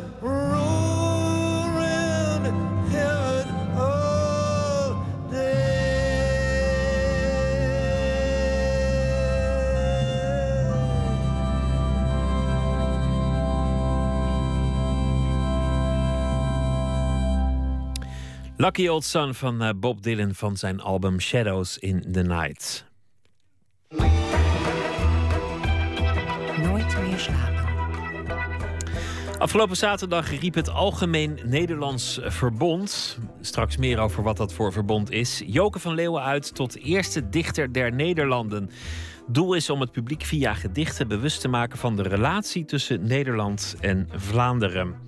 Dat leverde al meteen de nodige controverse op. Daarover eh, straks meer. Anton de Goede, onze nachtcorrespondent, heeft het helemaal uitgezocht. En de kiftende dichters ook eh, voor de microfoon gesleept. Dus dat eh, krijgt u straks. Maar vlak daarvoor namen wij een gesprek op met de twee dichters die nu al de positie innemen van dichter des vaderlands in respectievelijk België en in Nederland. Anne Martens sprak met beiden over dichterschap des vaderlands. Wat is het? Hoe werkt het? Hoe doe je dat eigenlijk? De actualiteit in je poëzie uh, vervlechten. En is er een verschil tussen de dichter des vaderlands uh, functie in Nederland en in België? Het is Poëzieweek. En afgelopen zaterdag ontmoetten de twee dichters des vaderlands elkaar in het Rood Theater in Rotterdam. Charles Ducal, sinds één jaar dichter des vaderlands in België, En Anne Vechter, die dit ambt al twee jaar in Nederland vervult. Het is een initiatief van drie literaire verenigingen die eigenlijk een dubbel doel hadden. Enerzijds eh, de drie taalgemeenschappen op cultureel, literair vlak dichter bij elkaar brengen. Dus de Franstalige, Duitsstalige, Nederlandstalige taalgemeenschap. En ten tweede ook eh, de poëzie een ruimer leven te geven dan alleen het leven binnen de kleine niche van de poëzie. Daarom vroegen ze aan de dichter des Vaderlands zes gedichten per jaar te schrijven over voor alle Belgen relevante thema's.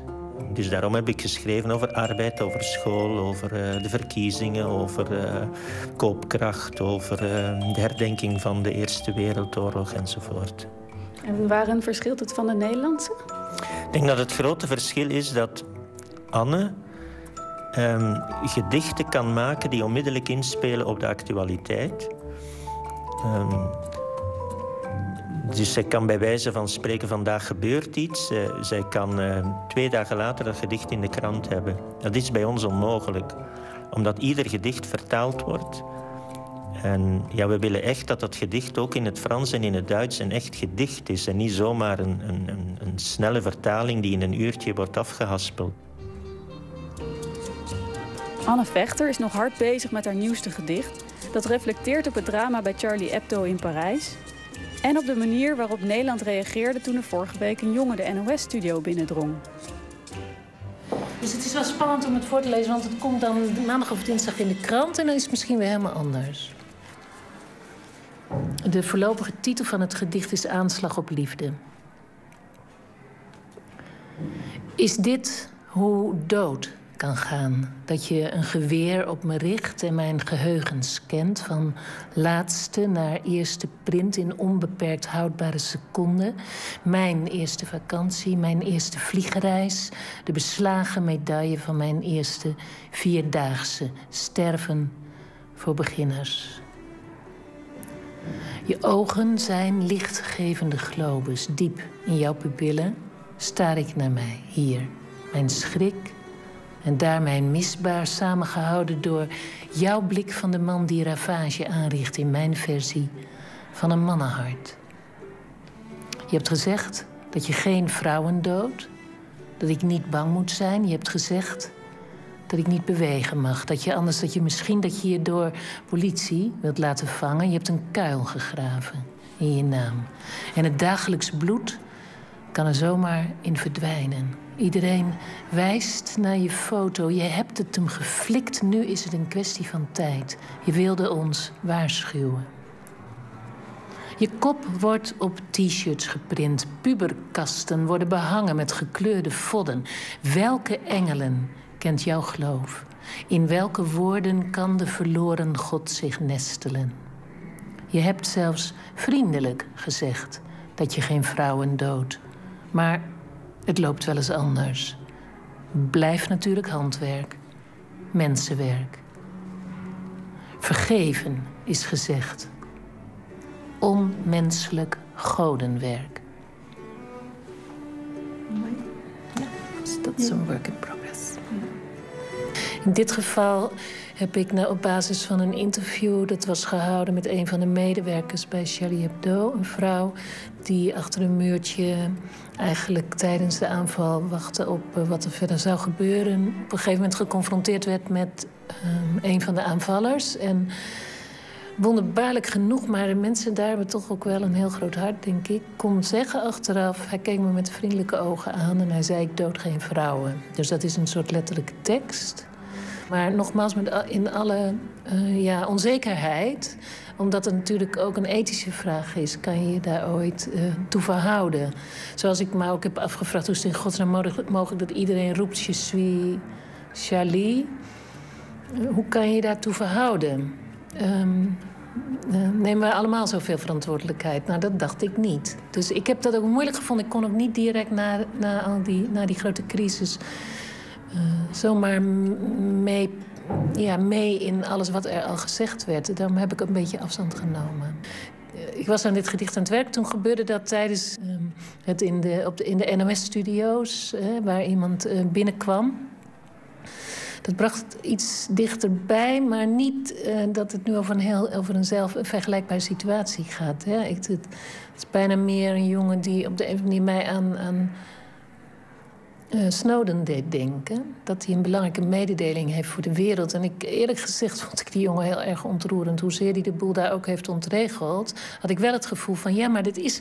er zijn gewoon jongeren en die zoeken gewoon... en dat snap ik ook, die zoeken een, gewoon een, een, podium. Die willen iets zeggen en hij is misschien wel in de war... maar er wordt heel gauw gezegd dat mensen in de war zijn... die dan zo ontregelende daad plegen. Misschien is hij helemaal niet in de war. Misschien heeft hij ons wel iets te zeggen. Soms vragen de mensen wat is, wat is eigen aan poëzie. Hè? Waarom vind je dat nodig dat mensen poëzie lezen? En ik heb er lang over nagedacht, maar ik denk dat het uiteindelijk is dat poëzie een andere belichting van de dingen is. Het, het werpt een ander licht op de dingen, omdat het een afwijkende manier van spreken is. De gewone manier van spreken die we alle dagen ervaren, ja, leidt bij veel mensen tot zo'n gewenning dat wanneer sommige dingen in het gewone spreken worden geuit, het eigenlijk niet meer doordringt. En wanneer men een probleem kan vertalen in een poëtische vorm, dan kan dat ineens die zaak weer oplichten. Ook Charles Ducal heeft net een nieuw gedicht gemaakt met de naam Woord tegen Woord 2. Hij publiceerde dit op de dag dat hij precies één jaar dichter des vaderlands was. Woord tegen woord 2. Er rijpt in onze taal een woord dat niet bestaat, in de verbeelding van een scherm, waarop het nieuws uit de hel nestwarmte biedt en feiten kunnen opgestapeld tot een bolwerk van geloof. Een woord van ongeloof, een licht zo fel dat ieder toetsenbord het zich verbiedt. Het schijnt voorbij de grens van wat zich dagelijks berichten laat als niets. Een dode vlieg, een kind dat sterft, een luchtbombardement van doden in vertrouwde huidskleur en getal. Het rijpt in al wat zwijgt, wat zonder stem de wereld is. Hoop niet dat het u sparen zal. Dus de mensen kijken naar televisie en zien verschrikkelijke beelden van landen ver weg en leggen nooit de link met hun eigen wereld. En daardoor wordt eigenlijk een waarheid verdrongen. Want die wereld die zij ver weg zien, in Irak, in Afghanistan, in Syrië, in, in Libië en, die landen, die heeft wel degelijk heel veel te maken met onze wereld. Omdat die landen, eh, die zijn door onze regeringen, eh, de Amerikaanse natuurlijk voorop, kapot gemaakt de laatste decennia. En dat had ook te maken met onze economische belangen, olie voorop. En wanneer mensen zich naar televisie kijken en niet de link leggen met hun eigen eh, leven. En wanneer er dan zoiets gebeurt, zoals in Parijs, die moordzaak tegen de redactie eh, van, eh, van Charlie Hebdo, vele mensen grijpen dan terug naar een mythische verklaring. En ze zeggen zo van, ja, dat zijn barbaren. Hè? De barbarij tegenover wij, de beschaving.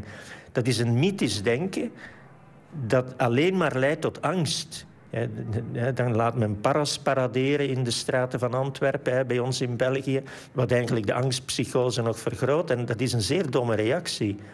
Wanneer men die toestand ja, niet correct politiek analyseert en dat alleen mythisch benadert, ja, dan zal de waarheid vroeg of laat in uw gezicht kletsen. Hè. En wilt u hiermee waarschuwen dan? Ja, we waarschuwen. Wat kan een dichter waarschuwen? Niemand gaat wakker liggen van de waarschuwing van een dichter. Maar dat, dat is een, een, een gedachte die ik toch wel wil meegeven aan wie er open voor staat, ja.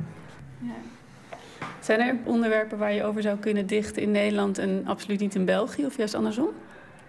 Nou, dat kan ik. Nou ja, eerlijk gezegd. eh Charles, ja, dicht over onderwerpen eh, waarbij ik me heel goed kan voorstellen dat ik er ook over zou dichten. En andersom denk ik ook wel. Ik, ik heb één keer een eh, reactie gehad op, een, op het, gedicht dat ik schreef tegen de Israëlische terreur tegen Gaza. Heb ik een reactie gehad. eh, dat was op internet. Die reactie was van...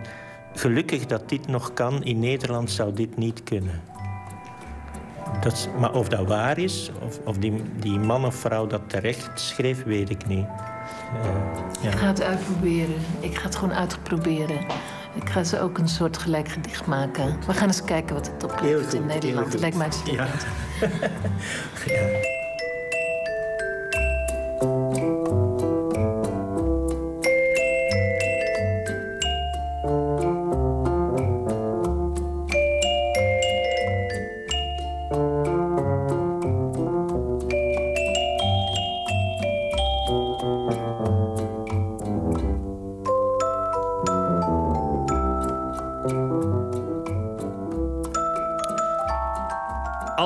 van eh, Charles Ducal, dus ook het gedicht eh, As in de mond, waarin hij de staat Israël streng toespreekt, zijn eh, te lezen op dichterdesvaderlands.be. En het werk van Anne Vechter kun je dan weer vinden op dichterdesvaderlands.nl. En haar nieuwste gedicht zal waarschijnlijk één deze dagen in NRC Handelsblad staan. U hoorde net de voorlopige versie daarvan. Straks bericht Anton de Goede over de controverse die is ontstaan nadat er ook nog eens een dichter der Nederlanden werd benoemd. Maar eerst eh, James Williamson, ooit de gitarist van de garage band The Stooges, waar ook Iggy Pop eh, in zat. Uit Detroit kwamen die, samen met een aantal eh, gastzangers. Nam hij de oude nummers nog een keer opnieuw op. En voor iedereen die van de oude Stones en dat soort bands met gitaarriffs houdt, is dit eigenlijk een hele leuke plaat geworden. Misschien wat ruig voor het tijdstip, maar onze muzieksamensteller heeft daar doorgaans maling aan. James Williamson samen met Caroline Wonderland, Open Up and Bleed.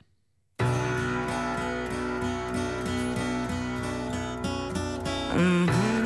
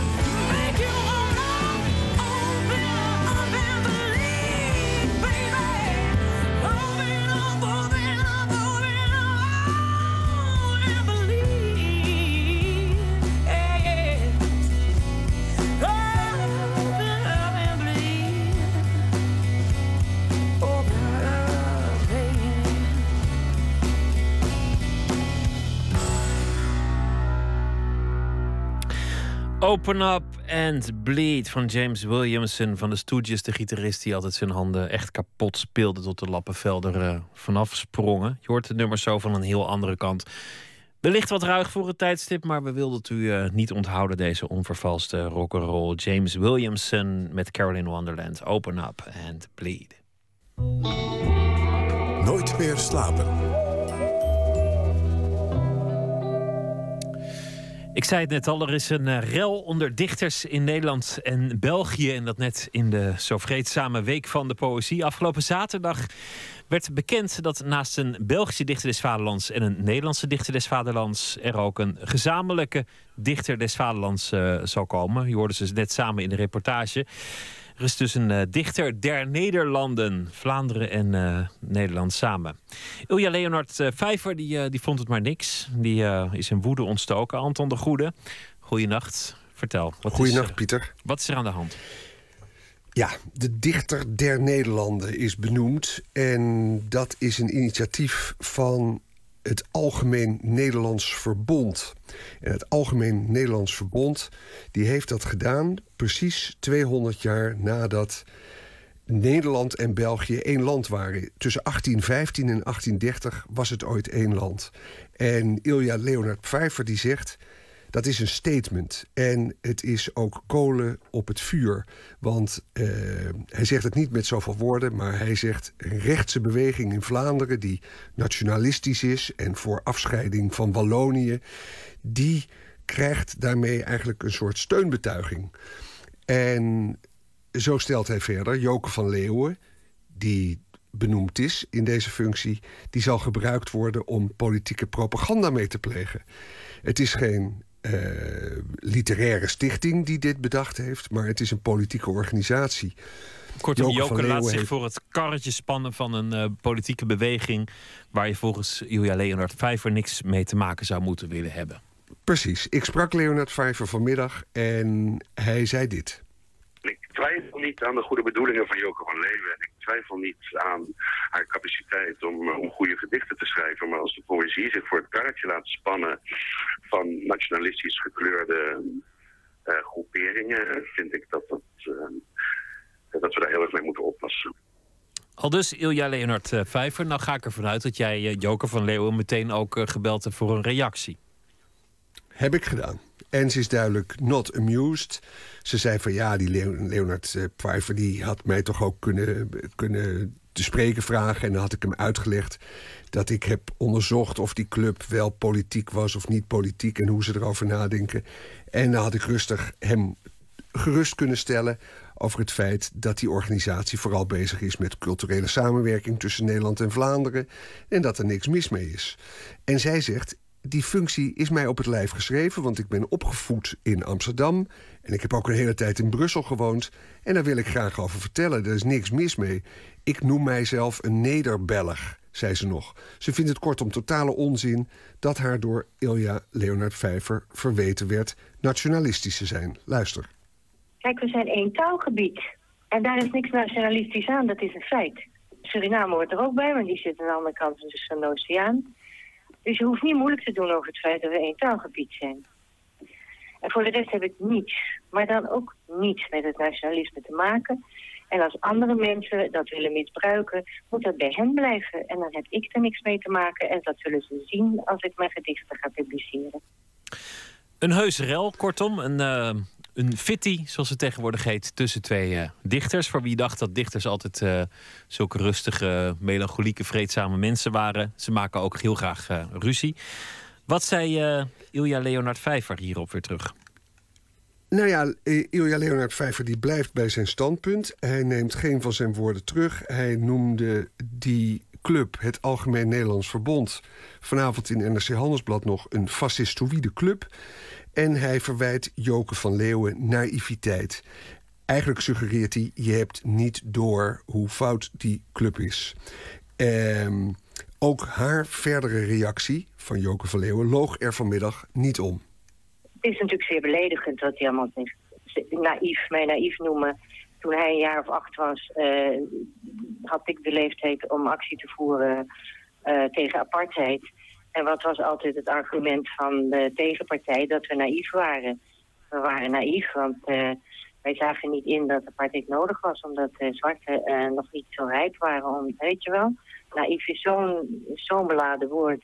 En al het andere wat je gezegd heeft is ook beladen. En je moet drie keer nadenken voordat je mensen die je niet kent en voor, aan wie je geen enkele vraag hebt gesteld, hiermee lastig valt. Ja, Ilja Leonard Vijver is eh, onnadenkend en, en zij is op haar beurt eh, eh, naïef. We zouden de hele nacht kunnen doorgaan met eh, verwijten over en weer. Maar het is natuurlijk af en toe ook verstandig om heel iemand anders om zijn mening te vragen. Wie heb je gevraagd? Ja, heb ik ook gedaan. Nou ja, we hebben net in de reportage die hier voor deze rubriek zat... eh, naar eh, Anne Vechter geluisterd, de Nederlandse dichter des vaderlands... en naar Charles Ducal, die de Belgische dichter des vaderlands is. En ik was benieuwd wat hij nu vond, die laatste. Zo'n hele milde, aardige man... Ehm, en die heb ik gebeld, vooral omdat hij de Belgische situatie kent. Die wij natuurlijk. Eh, ja, het is toch altijd een beetje die taalstrijd en die grens door Brussel. Ik weet het niet, dat ligt in België veel gevoeliger dan bij ons. Dus ik heb hem ook gebeld. Aanvankelijk wilde hij zich niet in de vete mengen. Want het Hij is een aardige en eh, milde man. Die doen dat soort dingen niet. Nee, en hij zegt Ilja Leonard Vijver, geweldige dichter. Joke van Leeuwen ook. eh, en als zij nou mooie gedichten schrijft hierdoor... en bijdraagt aan een goede poëzie, prachtig. Ehm, maar goed, toch komt hij op een gegeven moment to the point als ik hem spreek. En vindt hij dat het initiatief Dichter der Nederlanden... naar zijn zeggen van een politieke organisatie komt... en niet van een literaire. En als je goed naar hem luistert... laat wat Ducal zegt in feite niets aan duidelijkheid te wensen over. Luister. ik denk niet dat Joke van Leeuwen een agenda wil dienen die eh, aanstuurt op de splitsing van België. Of die, zou ik zeggen, de tegenstelling Vlaanderen-Wallonië wil voeden. Maar zonder dat misschien ook de organisatie zelf dat wil, hè, dient het toch die politieke agenda op dit moment, vrees ik. Willens. De, mensen bijvoorbeeld die, die, die de extreem flaminganten die met een vrachtwagen van eh, Vlaanderen naar Wallonië rijden, vol met nagemaakt geld. Hè? Om zo te zeggen, kijk eens wat de Vlamingen moeten betalen hè, voor de Walen, hè, voor die laaie Walen. Hè?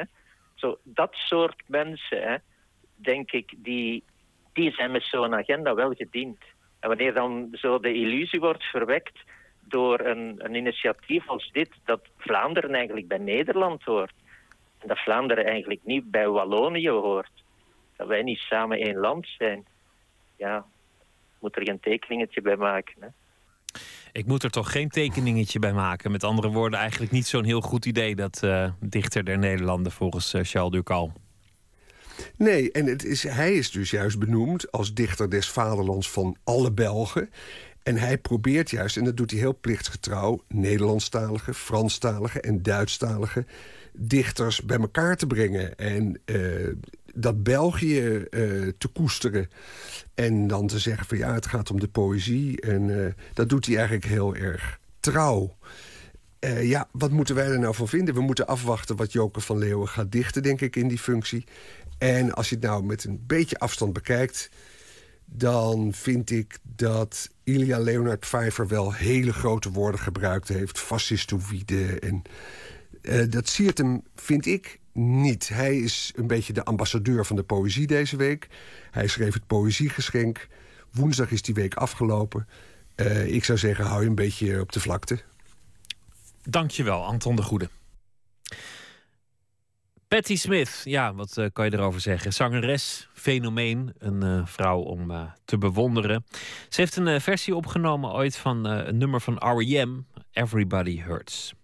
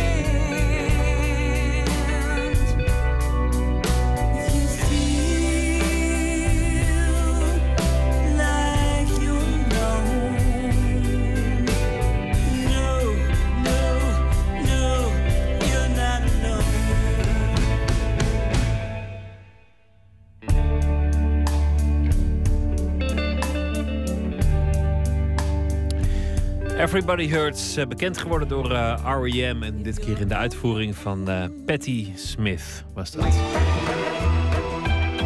Nooit meer slapen. In eh, Kampen, in het Stedelijk Museum, is een eh, tentoonstelling te zien van beeldhouwer Nicolaas Dings. Maakt lichtvoetige, raadselachtige sculpturen met veel ontleningen aan volkskunst en kunstgeschiedenis. Verslaggever Gijsbert van der Wal bekeek de tentoonstelling en ontmoette al daar Nicolaas Dings. En daarna ook in eh, Amsterdam.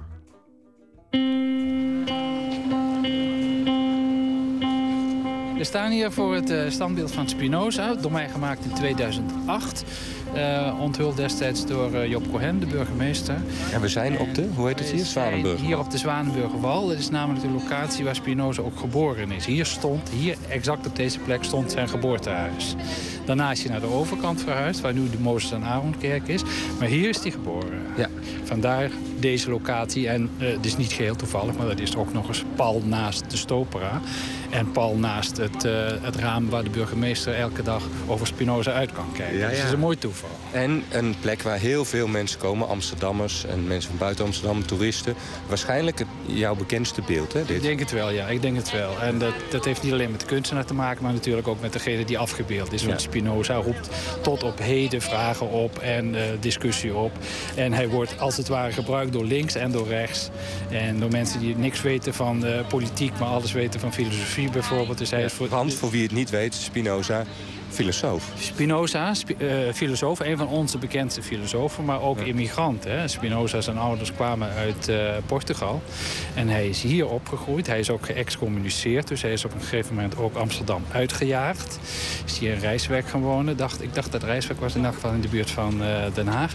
En eh, is door Cohen destijds gevraagd om weer terug te komen. En dat is eh, gebeurd in deze vorm. Dit beeld wat er nu staat. Lijkt me nog lastig om zo iemand dan nieuw leven in te blazen. Want het is natuurlijk een man uit de 17e eeuw. Ja, man Eh, 17e we, eeuw. Die... we kennen hem allemaal van de briefjes van duizend gulden. Nou, nou, nee, je niemand zegt- kent hem van de briefjes van duizend gulden. Want de gulden bestaat niet meer. En wie had er nou duizend gulden? Maar wat jij zegt klopt inderdaad wel, want dat zit in ons collectieve geheugen. Ja, die kop. Die kop, ja. Ja. En eh, daar heb ik me ook een beetje naar gericht, want er is, het is niet bekend hoe die er echt uitzag. Er is weliswaar een schilderij wat ergens in Duitsland in de collectie is, maar daar zijn weer gravures van gemaakt, et cetera, et cetera. Dus er zit een soort sleetsheid in. Mhm. Maar dat is gerevitaliseerd door inderdaad dat bankbiljet. En daar heb ik ook naar gekeken, want zo kent iedereen hem eigenlijk. Ja, ja. En wat, hoe heb jij hem nou uh, weergegeven? Als we nou naar de, kop, we staan nu voor dat beeld. Hoe... Ja, ik, ik heb dus gewoon zijn gelaat genomen, wat ik net vertelde. En zijn lichaam heb ik eigenlijk lichaamsloos gemaakt, omdat die man een filosoof was. Dus het ging over zijn geest. En, uh, zijn, zijn hoofd is het belangrijkste. Zijn hoofd, zijn hoofd is in dit geval het belangrijkste. Maar die mantel die hij draagt, die draagt kenmerken van deze tijd ook. En ook zeg maar, zijn gedachtegoed staat daarin weergegeven. Ja. Dat heb ik opgelost door halsbandparkieten te gebruiken. Die moet je zien als nieuwe Nederlanders. De halsbandparkiet is uh, ooit eens in Nederland geïmporteerd. Is uh, net als Spinoza uit huis gezet. Maar die bleken resistent en die beestjes zijn ze gaan vermeerderen. En er zitten er meer dan 10.000 nu in het Vondelpark, om maar eens wat te noemen. Hmm. Dus dat is een hele mooie metafoor voor de nieuwe Nederlanders. Musjes zitten erin, die zijn weer wat schaarser geworden. Ja, en die, en die vogeltjes zijn allemaal verwerkt als een soort reliefs in die lange mantel van Spinoza. in die mantel, inderdaad. En er staat op zijn, op zijn borst staat het woord schloempt. Ja, dat zal wel een of ander feest zijn. Ja, hij wordt geregeld... een sticker, hè? Een ja, sticker hij wordt geregeld aan en uitgekleed. Ik heb ook wel eens een hele mantel over deze mantel gezien. En uh, allerlei attributen rondom het beeld heen. Ja. ja hij wordt want, want dat krijg je dus als je het je in de openbare ruimte maakt. Zeker, Mensen zitten eraan. Ja, en zeker zo'n figuur die nogal wat oproept. Dus daar, daar, daar worden homages aan gebracht. Er, er, wordt muziek bij gespeeld. Daar gaan ze maar door. Eigenlijk vind ik het alleen maar leuk. Ja, ja. ja, Nou ja, zo'n sticker erop, die moet er natuurlijk ja, die op moet weer weg. Maar ik, ik, neem aan dat er een gemeenteambtenaar is die zich dat aantrekt... en dat hij weer binnenkort weg is. Maar we waren bij die vogels op die mantel. Nou ja, je ziet dus vogels, je ziet dus mussen, hè, onze, onze huismussen. Je ziet dus deze halsbandparkieten, die dus zeg maar import zijn... maar inmiddels ook wel bij, eh, bij onze samenleving horen. En je ziet nog roosjes. En roosjes heeft te maken met Spinoza zelf, met de naam van Spinoza. Espinoza betekent doorn. Dus een doorn hoort bij een roos. En dat is zijn, zijn embleem geworden. Een uh, standbeeld moet van alle kanten interessant zijn. Hè? Ja. Daarom is het sculptuur driedimensionaal. Dus we lopen nu even eromheen. Ja, toch is de achterkant minder belangrijk, hè? Nou ja, omdat je zijn hoofd niet ziet. Maar eigenlijk gebeuren er dezelfde dingen. Dus inhoudelijk gezien maakt het niet veel uit. Ja, want ook die uh, pakieten en uh, musjes, ja. en rozen... Die draaien om de as van Spinoza heen. Dus die zie je aan alle kanten heel erg mooi. hele statige figuur wordt het, hè? Door die lange mantel. Het is bijna een soort raket wat er staat. Hè? Ja, ja.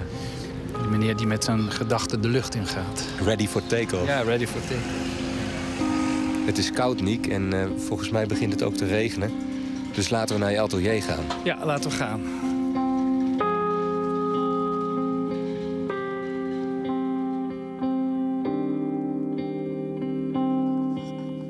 Op jouw tentoonstelling in Kampen, die ik twee dagen geleden heb gezien... een hele mooie presentatie van je werk...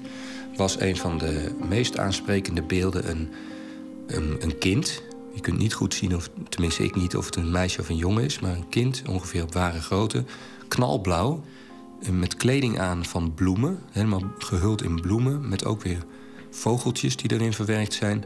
En toen keek ik op het bordje en het beeld blijkt te heten... jonge filosoof. Toen dacht ik, dat heeft ongetwijfeld met Spinoza te maken. Ja, dat, dat klopt inderdaad. Uh, kijk, Spinoza was een opdracht. En die was gebonden aan allerlei matengewichten, uh, restricties en ga zo maar door dat heb ik, daar heb ik me goed van kunnen kwijten, dat wel. Maar ik wilde ook iets vrijs maken. Dus tegelijkertijd synchroon met het grote beeld heb ik eigenlijk dit beeld gemaakt. Dus eigenlijk Spinoza als kind? Spinoza als kind. Dus het is een jongetje? Dus het zou een jongetje kunnen zijn, inderdaad. Je ziet het niet. En uh, ik heb hem daar willen afbeelden als iemand die, die nog ongeremd is, zou je kunnen zeggen. Er, het is nog niet gestructureerd wat hij wil, maar je ziet wel aan zijn houding en uh, aan zijn bekleding, aan zijn haren zelfs, dat er iets is wat aan het broeien is, wat uiteindelijk uh, de grote filosoof zal gaan worden. En dan inderdaad vooral aan zijn, aan zijn haar, aan zijn kapsel. Hij heeft een soort afro-kapsel van, van hersenkronkels ja, lijken het. Zijn, het zijn draden inderdaad. En je, zoals aan de buitenkant, en niet in de schedel, maar nee, erop. Nee, nee, aan de buitenkant. Dus echt, echt zijn haren zijn het dan.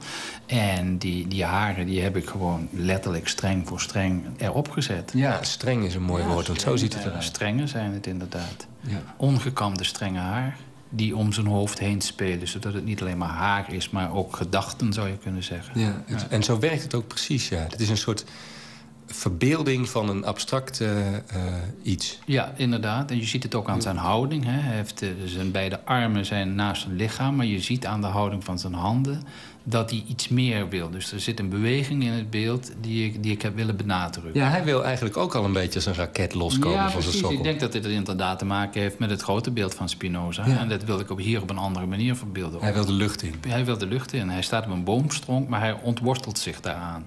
En langzaam wordt hij van boom mens en van mens wordt hij gedachte, zou je kunnen zeggen. Ja. Dit is een prachtig beeld. En het is dus inderdaad ook nog eh, een soort ultramarijnachtig blauw. hè? Zo heel diep. Ja, dat is, dat is, dat is inderdaad een eh, kleur die ik vaker gebruik. En die brand ik in. Dus het is een patina. Het is gemaakt van kopernitraat. En die kopernitraat die brand je als het ware op het beeld. En als je dan geen eh, was gebruikt, dan blijft die fluwelige toon bij het beeld. Ja, zo'n heel zacht... eh, Ja, en eh, samen, samen met het buitenlicht, met het licht wat naar binnen valt bij het eh, museum, geeft dat een heel mooi effect. Er staat ook een heel groen beeld en er staat ook nog een heel knalrood beeld. Ja, Het is- en, maar dan ook zo knalrood dat als je er bijvoorbeeld een foto van wil maken... wat ik probeerde, dat, die, Ja. dat je camera het zowat niet aan kan, ja, die ik kleur. begrijp, ik begrijp wat je zegt. Da- dat heeft waarschijnlijk ermee te maken dat ik eh, opgeleid ben als schilder. Dus ik wil altijd nog wel kleur in mijn Ja. beelden toevoegen. Ja, en niet te zuinig. Ja, precies. Dus het is, het is een aardige afwijking, zou je kunnen zeggen. Want als, schil- als beeldhouwer ben ik, beeld, eh, ben ik eigenlijk autodidact. Het is gewoon eh, na- na de academietijd is het op de grond gaan staan, op de vloer gaan staan. En werden het beelden. De schilderijen werden dikker, zou je kunnen zeggen.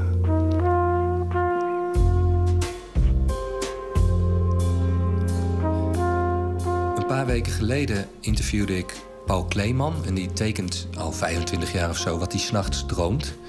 Dus die neemt echt zijn, wat, hij, wat er in zijn hoofd zich afspeelt s'nachts... neemt hij als uitgangspunt voor tekeningen. En ik denk steeds vaker, en met jou heb ik dat ook heel sterk... dat er zijn ook veel kunstenaars die weliswaar niet verbeelden wat ze dromen... maar die een soort dromen maken. Ik loop door die tentoonstelling van jou en ik zie daar die jonge filosoof... met die hersenkronkels om zijn hoofd... Die bloemen eh, om zijn lijf en dat vogeltje wat ertussen zit in knalblauw. Of ik zie de heilige Sebastiaan doorboord door kleurpotlood. En, en het, de sensatie bij mij is dezelfde als wanneer je een wonderlijke droom hebt. Je denkt, waar komt dat nou toch vandaan? Weet je wel? Wie ben ik dat, dit, dat ik dit mag meemaken? Ja, ik denk niet dat, ik dat, eh, dat er een letterlijke herleiding is van hoe ik die beelden, ga, hoe ik die beelden maak. Dat denk ik niet. Nee, nee, nee. Dus het is niet iets wat jij gedroomd hebt. Maar het is Nee. misschien nog wel mooier dan dat. Namelijk, jij verstaat de kunst om dromen te maken. Nou ja, ik versta misschien de kunst om poëzie in de derde dimensie te maken. Dat is wel iets waar ik naar streef, maar dat ontstaat onder mijn handen. Er is altijd wel een idee en dat idee test ik. Daarom maak ik beelden, want ik wil gewoon zien wat er in mijn hoofd zit. En eh, daarna komt die, die, die extra dimensie, dat het zeg maar een sfeer is, eh, of het nou surrealistisch of poëtisch is, maar dat je inhoudelijk proeft dat er iets aan de hand is. En dat verhaal, dat ga ik niet, niet uitleggen. Er staat geen A4'tje naast. Maar ik heb wel de indruk dat mensen de, de, de connectie moeten maken... tussen de taal van het beeld en wat er in hun eigen hoofd zit. Ja, maar misschien belangrijk daarbij is misschien wel dat het niet al te zonneklaar is wat het betekent. Nee, dat is ook zo.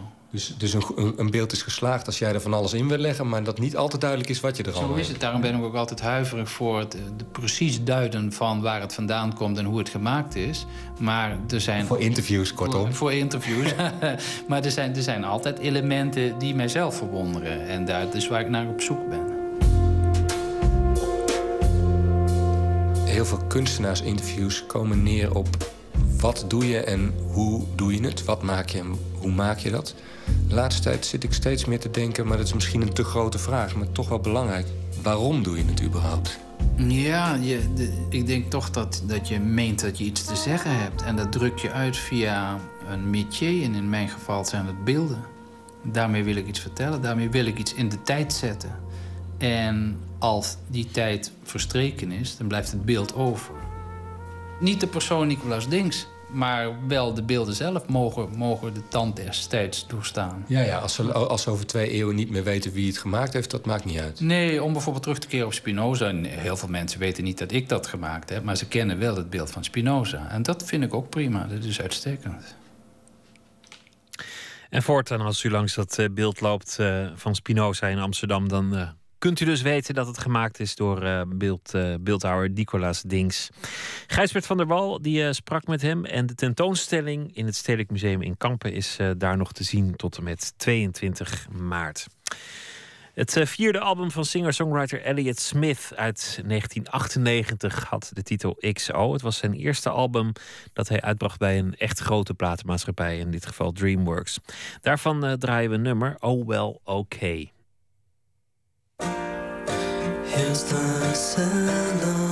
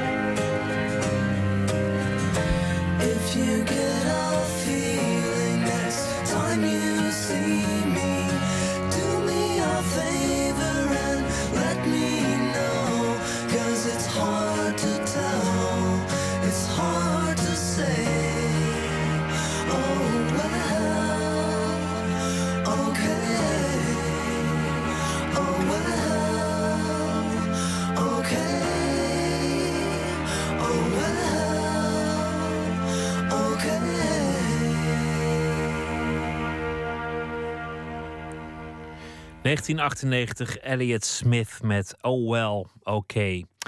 Dichter Jean-Pierre Ravi die, eh, sluit deze week onze uitzendingen af met eh, een gedicht. Elke avond een gedicht dat hem nader, eh, na aan het hart ligt. Iets wat hij mooi vindt. Hij publiceerde zelf een tiental dichtbundels. Hij kreeg ooit de Charlotte Keulerprijs. In 2013 maakte hij zijn proza debuut met een roman. Vroeger was alles beter behalve de tandarts. Hij koos eh, voor deze nacht voor het gedicht Eens groeit een boom uit mij van Karel van de Woestijnen.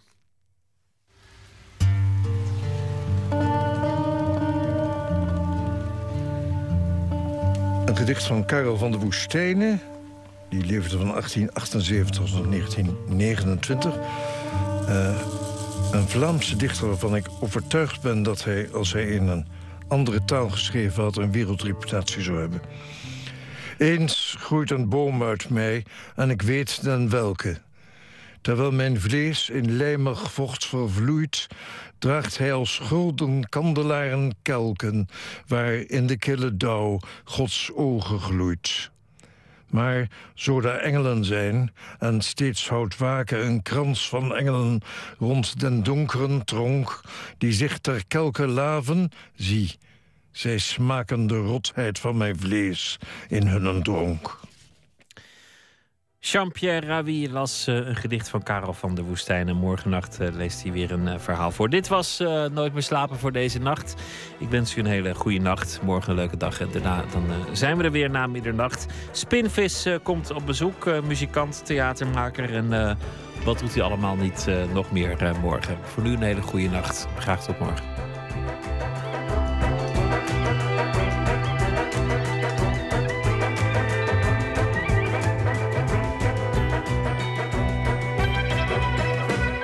Op Radio 1, Het nieuws van alle kanten.